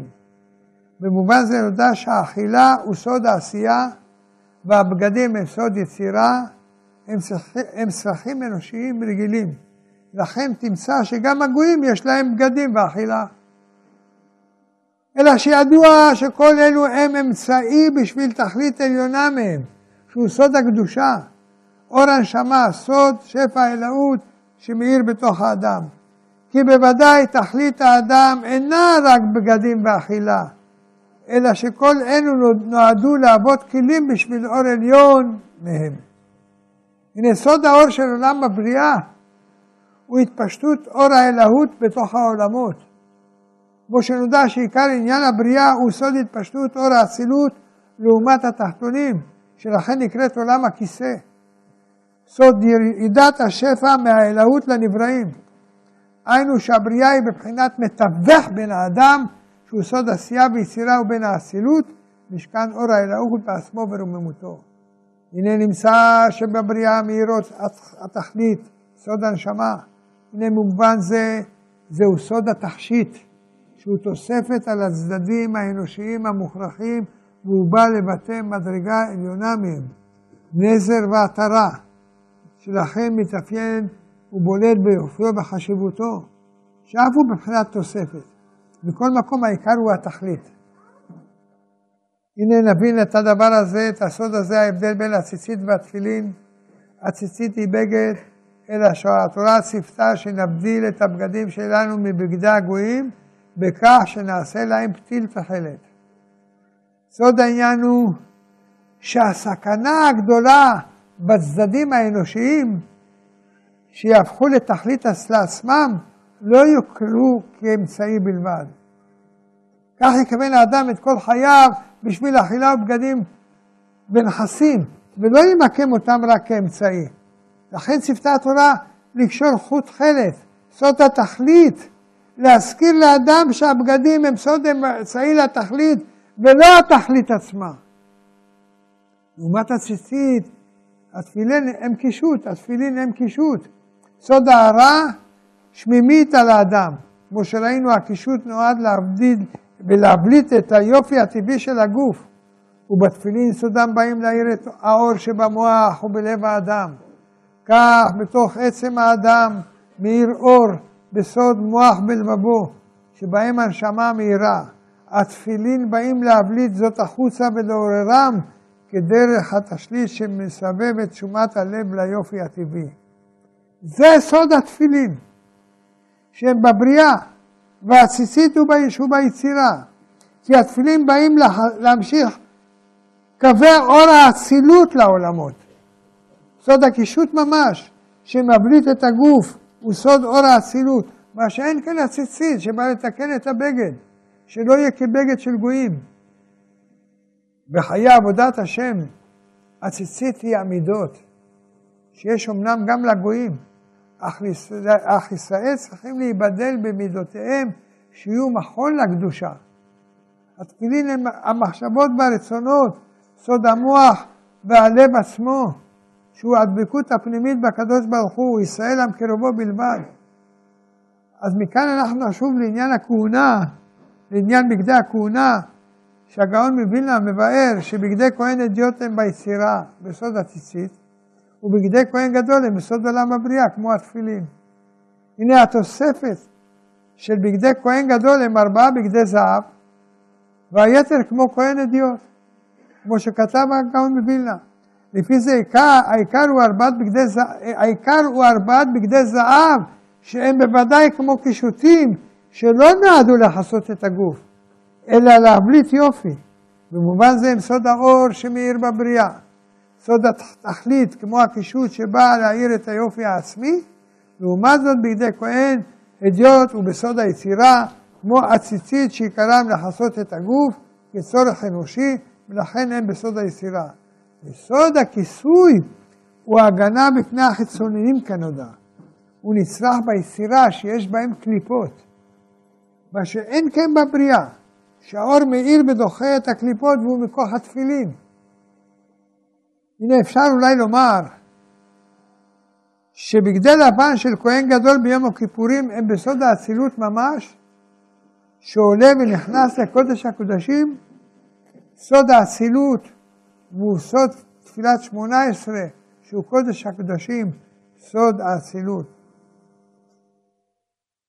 נאמר עוד דבר בהקשר לזה, אף על פי שמבואר שתפילין שלו שהם בסוד האצילות, לפי זה היה צריך להיות שבגדי כהן גדול בחלקם יהיו באצילות. הנה כאן הגאון מווילנה אומר שהם בבריאה, ובאמת אפשר לומר כמה דברים בנידון. ראשית אפשר לומר שבאמת ארבעה בגדי זהב הם סוד התפילין של יד, וארבעת בגדי לבן הם סוד כהן גדול הם התפילין של ראש. לכן באמת, כשהם לבדם הם עולים לאל על האצילות ביום הכיפורים.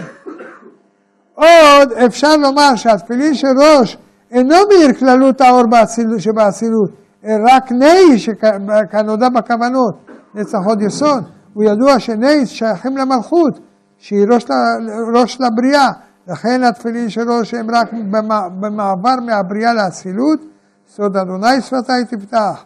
בעצמות אור האצילות עומד למעלה מסוד התפילין של ראש, לכן בגדי כהן גדול כולם עומדים בבריאה דווקא. בגדי לבן ביום הכיפורים הם מסרו את אור האצילות. נמצא שלפי דברי הגאון, שבגדי כהונה נערכים בסוד עולמות היצירה בראייה ואצילות. אפשר לומר שהגוף שייך לעשייה, והתלבשותו בבגדי כהן עדות הוא סוד עילוייו ליצירה, ובגדי כהן גדול עולה לבריאה, ובבגדי לבן עולה לאצילות. כי תבין סוד גדול, שאף על פי שהגוף הוא קדוש מצד הנשמה שבו, הנה בפועל חטא האדם ונפל גופו, עד שירד למטה לעשייה, אף שמצד שורשו הוא באצילות כידוע, בסוד מלכות דאצילות, שהיא שורש העיקרי לעשייה. הנה לכם באו המצוות הללו של ציצית ותפילין לכל ישראל, ובגדי כהונה לכהנים, שנועדו להעלותם ולהשיבם אל מקורם. היינו שתבין שבאמת הציצית והתפילין, אף שנראים כתוספת אל גוף האדם, באמת אינם תוספת חיצונית, אלא השלמת שיעור קומתו שאבדה לו. כמו שמובן בסועד, בזוהר, בסוד הלב, אצלנה בכותנות אור, שהם השלמת מה שנחסר מאדם בסוד ציצית ותפילין. נמצא שלבישת הציצית משלימה מדרגת היצירה ומעלה גופו מעשייה ליצירה, כמו בסוד התפילה, שהציצית מסייעת לאדם להיכנס לאור היצירה, והתפילין לבריאה, בסוד הוספת אור הנשמה, עד האצילות ממש מכוח התפילין של ראש כנודה. תבין שזה סוד דרכו, שלוש דרגות באדם, שמדרגת המלכות עצמה נערכת כמו בסוד עיבור, שהוא אדם שאינו מפותח, והציצית היא לבוש על המידות שהן קצוות, שהוא סוד היניקה, שבו מתפתח אדם ברגישותיו ומידותיו, כי הילדות חוקקת את טבע המידות האדם כנודע. הוא סוד הציצית, סוד היצירה, סוד הרוח, סוד מוחין דיניקה. אחר כך באו התפילין, סוד הגדלות, סוד הדעת, שהוא אור המוח והלב. הוא הראש של האדם. הוא סוד האדם השלם בסוד הגדלות שנעשה כלי שלם לאור האצילות שיאיר בו בסוד האדם העליון שמאיר באדם שלטאטה. תבינו את הדבר הזה. לסיום הדברים של הדבר הזה נציין שדברי, שדברי הגאון מווילנה עולים בקנה אחד עם מה שראינו קודם לכן, שבגדי כהן עדיון בסוד המלכות, כהן גדול בסוד התפארת, בגדי לבן ביום הכיפורים בינה, ואין כאן המקום לבאר עניינו והשם יאיר עינינו. יש לנו עוד הלכה אחת שמביא הרמב"ן, ולשבוע זה אני חושב שהלתעתי אתכם בדברים האלה. הרמב"ם אומר לנו בסוד בגדי כהונה, הוא אומר ככה, בגדי לבן הם ארבעה כלים שמשמש בהם כהן גדול ביום הכיפורים, כתונת, מכנסיים, אבנת ומצנפת. וארבעתן, ארבעתם לבנים וחוטן כפול שישה, ומן הפשתן לבדו הם, הם ושתי כותנות האחרות היו לו לכהן גדול ביום הכיפורים. אחד לובשה בשחר ואחת בין הארבעים. ושתיהם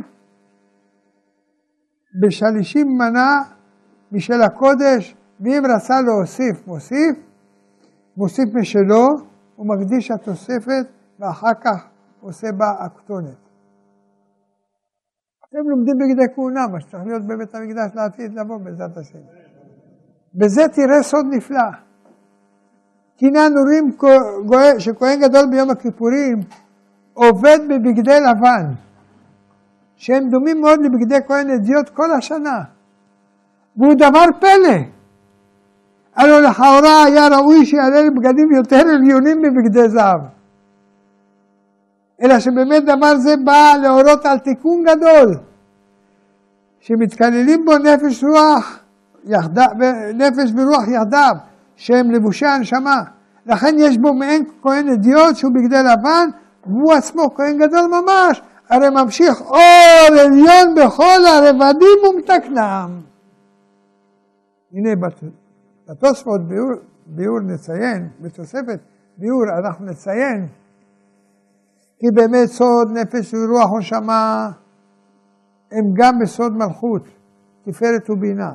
כי סוד המלכות היא הכבוד, סוד בגדי כהן אדיוט, ותפארת סוד כהן גדול בבגדי זהב. ובינה סוד בגדי שרד, סוד בגדי כהן גדול ביום הכיפורים, אור הבינה. כשאנחנו מגיעים לאור הבינה, בנעילה. הנה ידוע שעיקר הכל הוא תיקון השכינה. ועיקר מהות התיקון הוא בעילוי המלכות שתשתווה למדרגת הבינה כידוע, כי המלכות הוא סוד העולם הזה, והבינה סוד העולם הבא, תכלית התיקון הוא בעילוי העולם הזה לאור העולם הבא, והוא אשר נעשה ביום הכיפורים דווקא.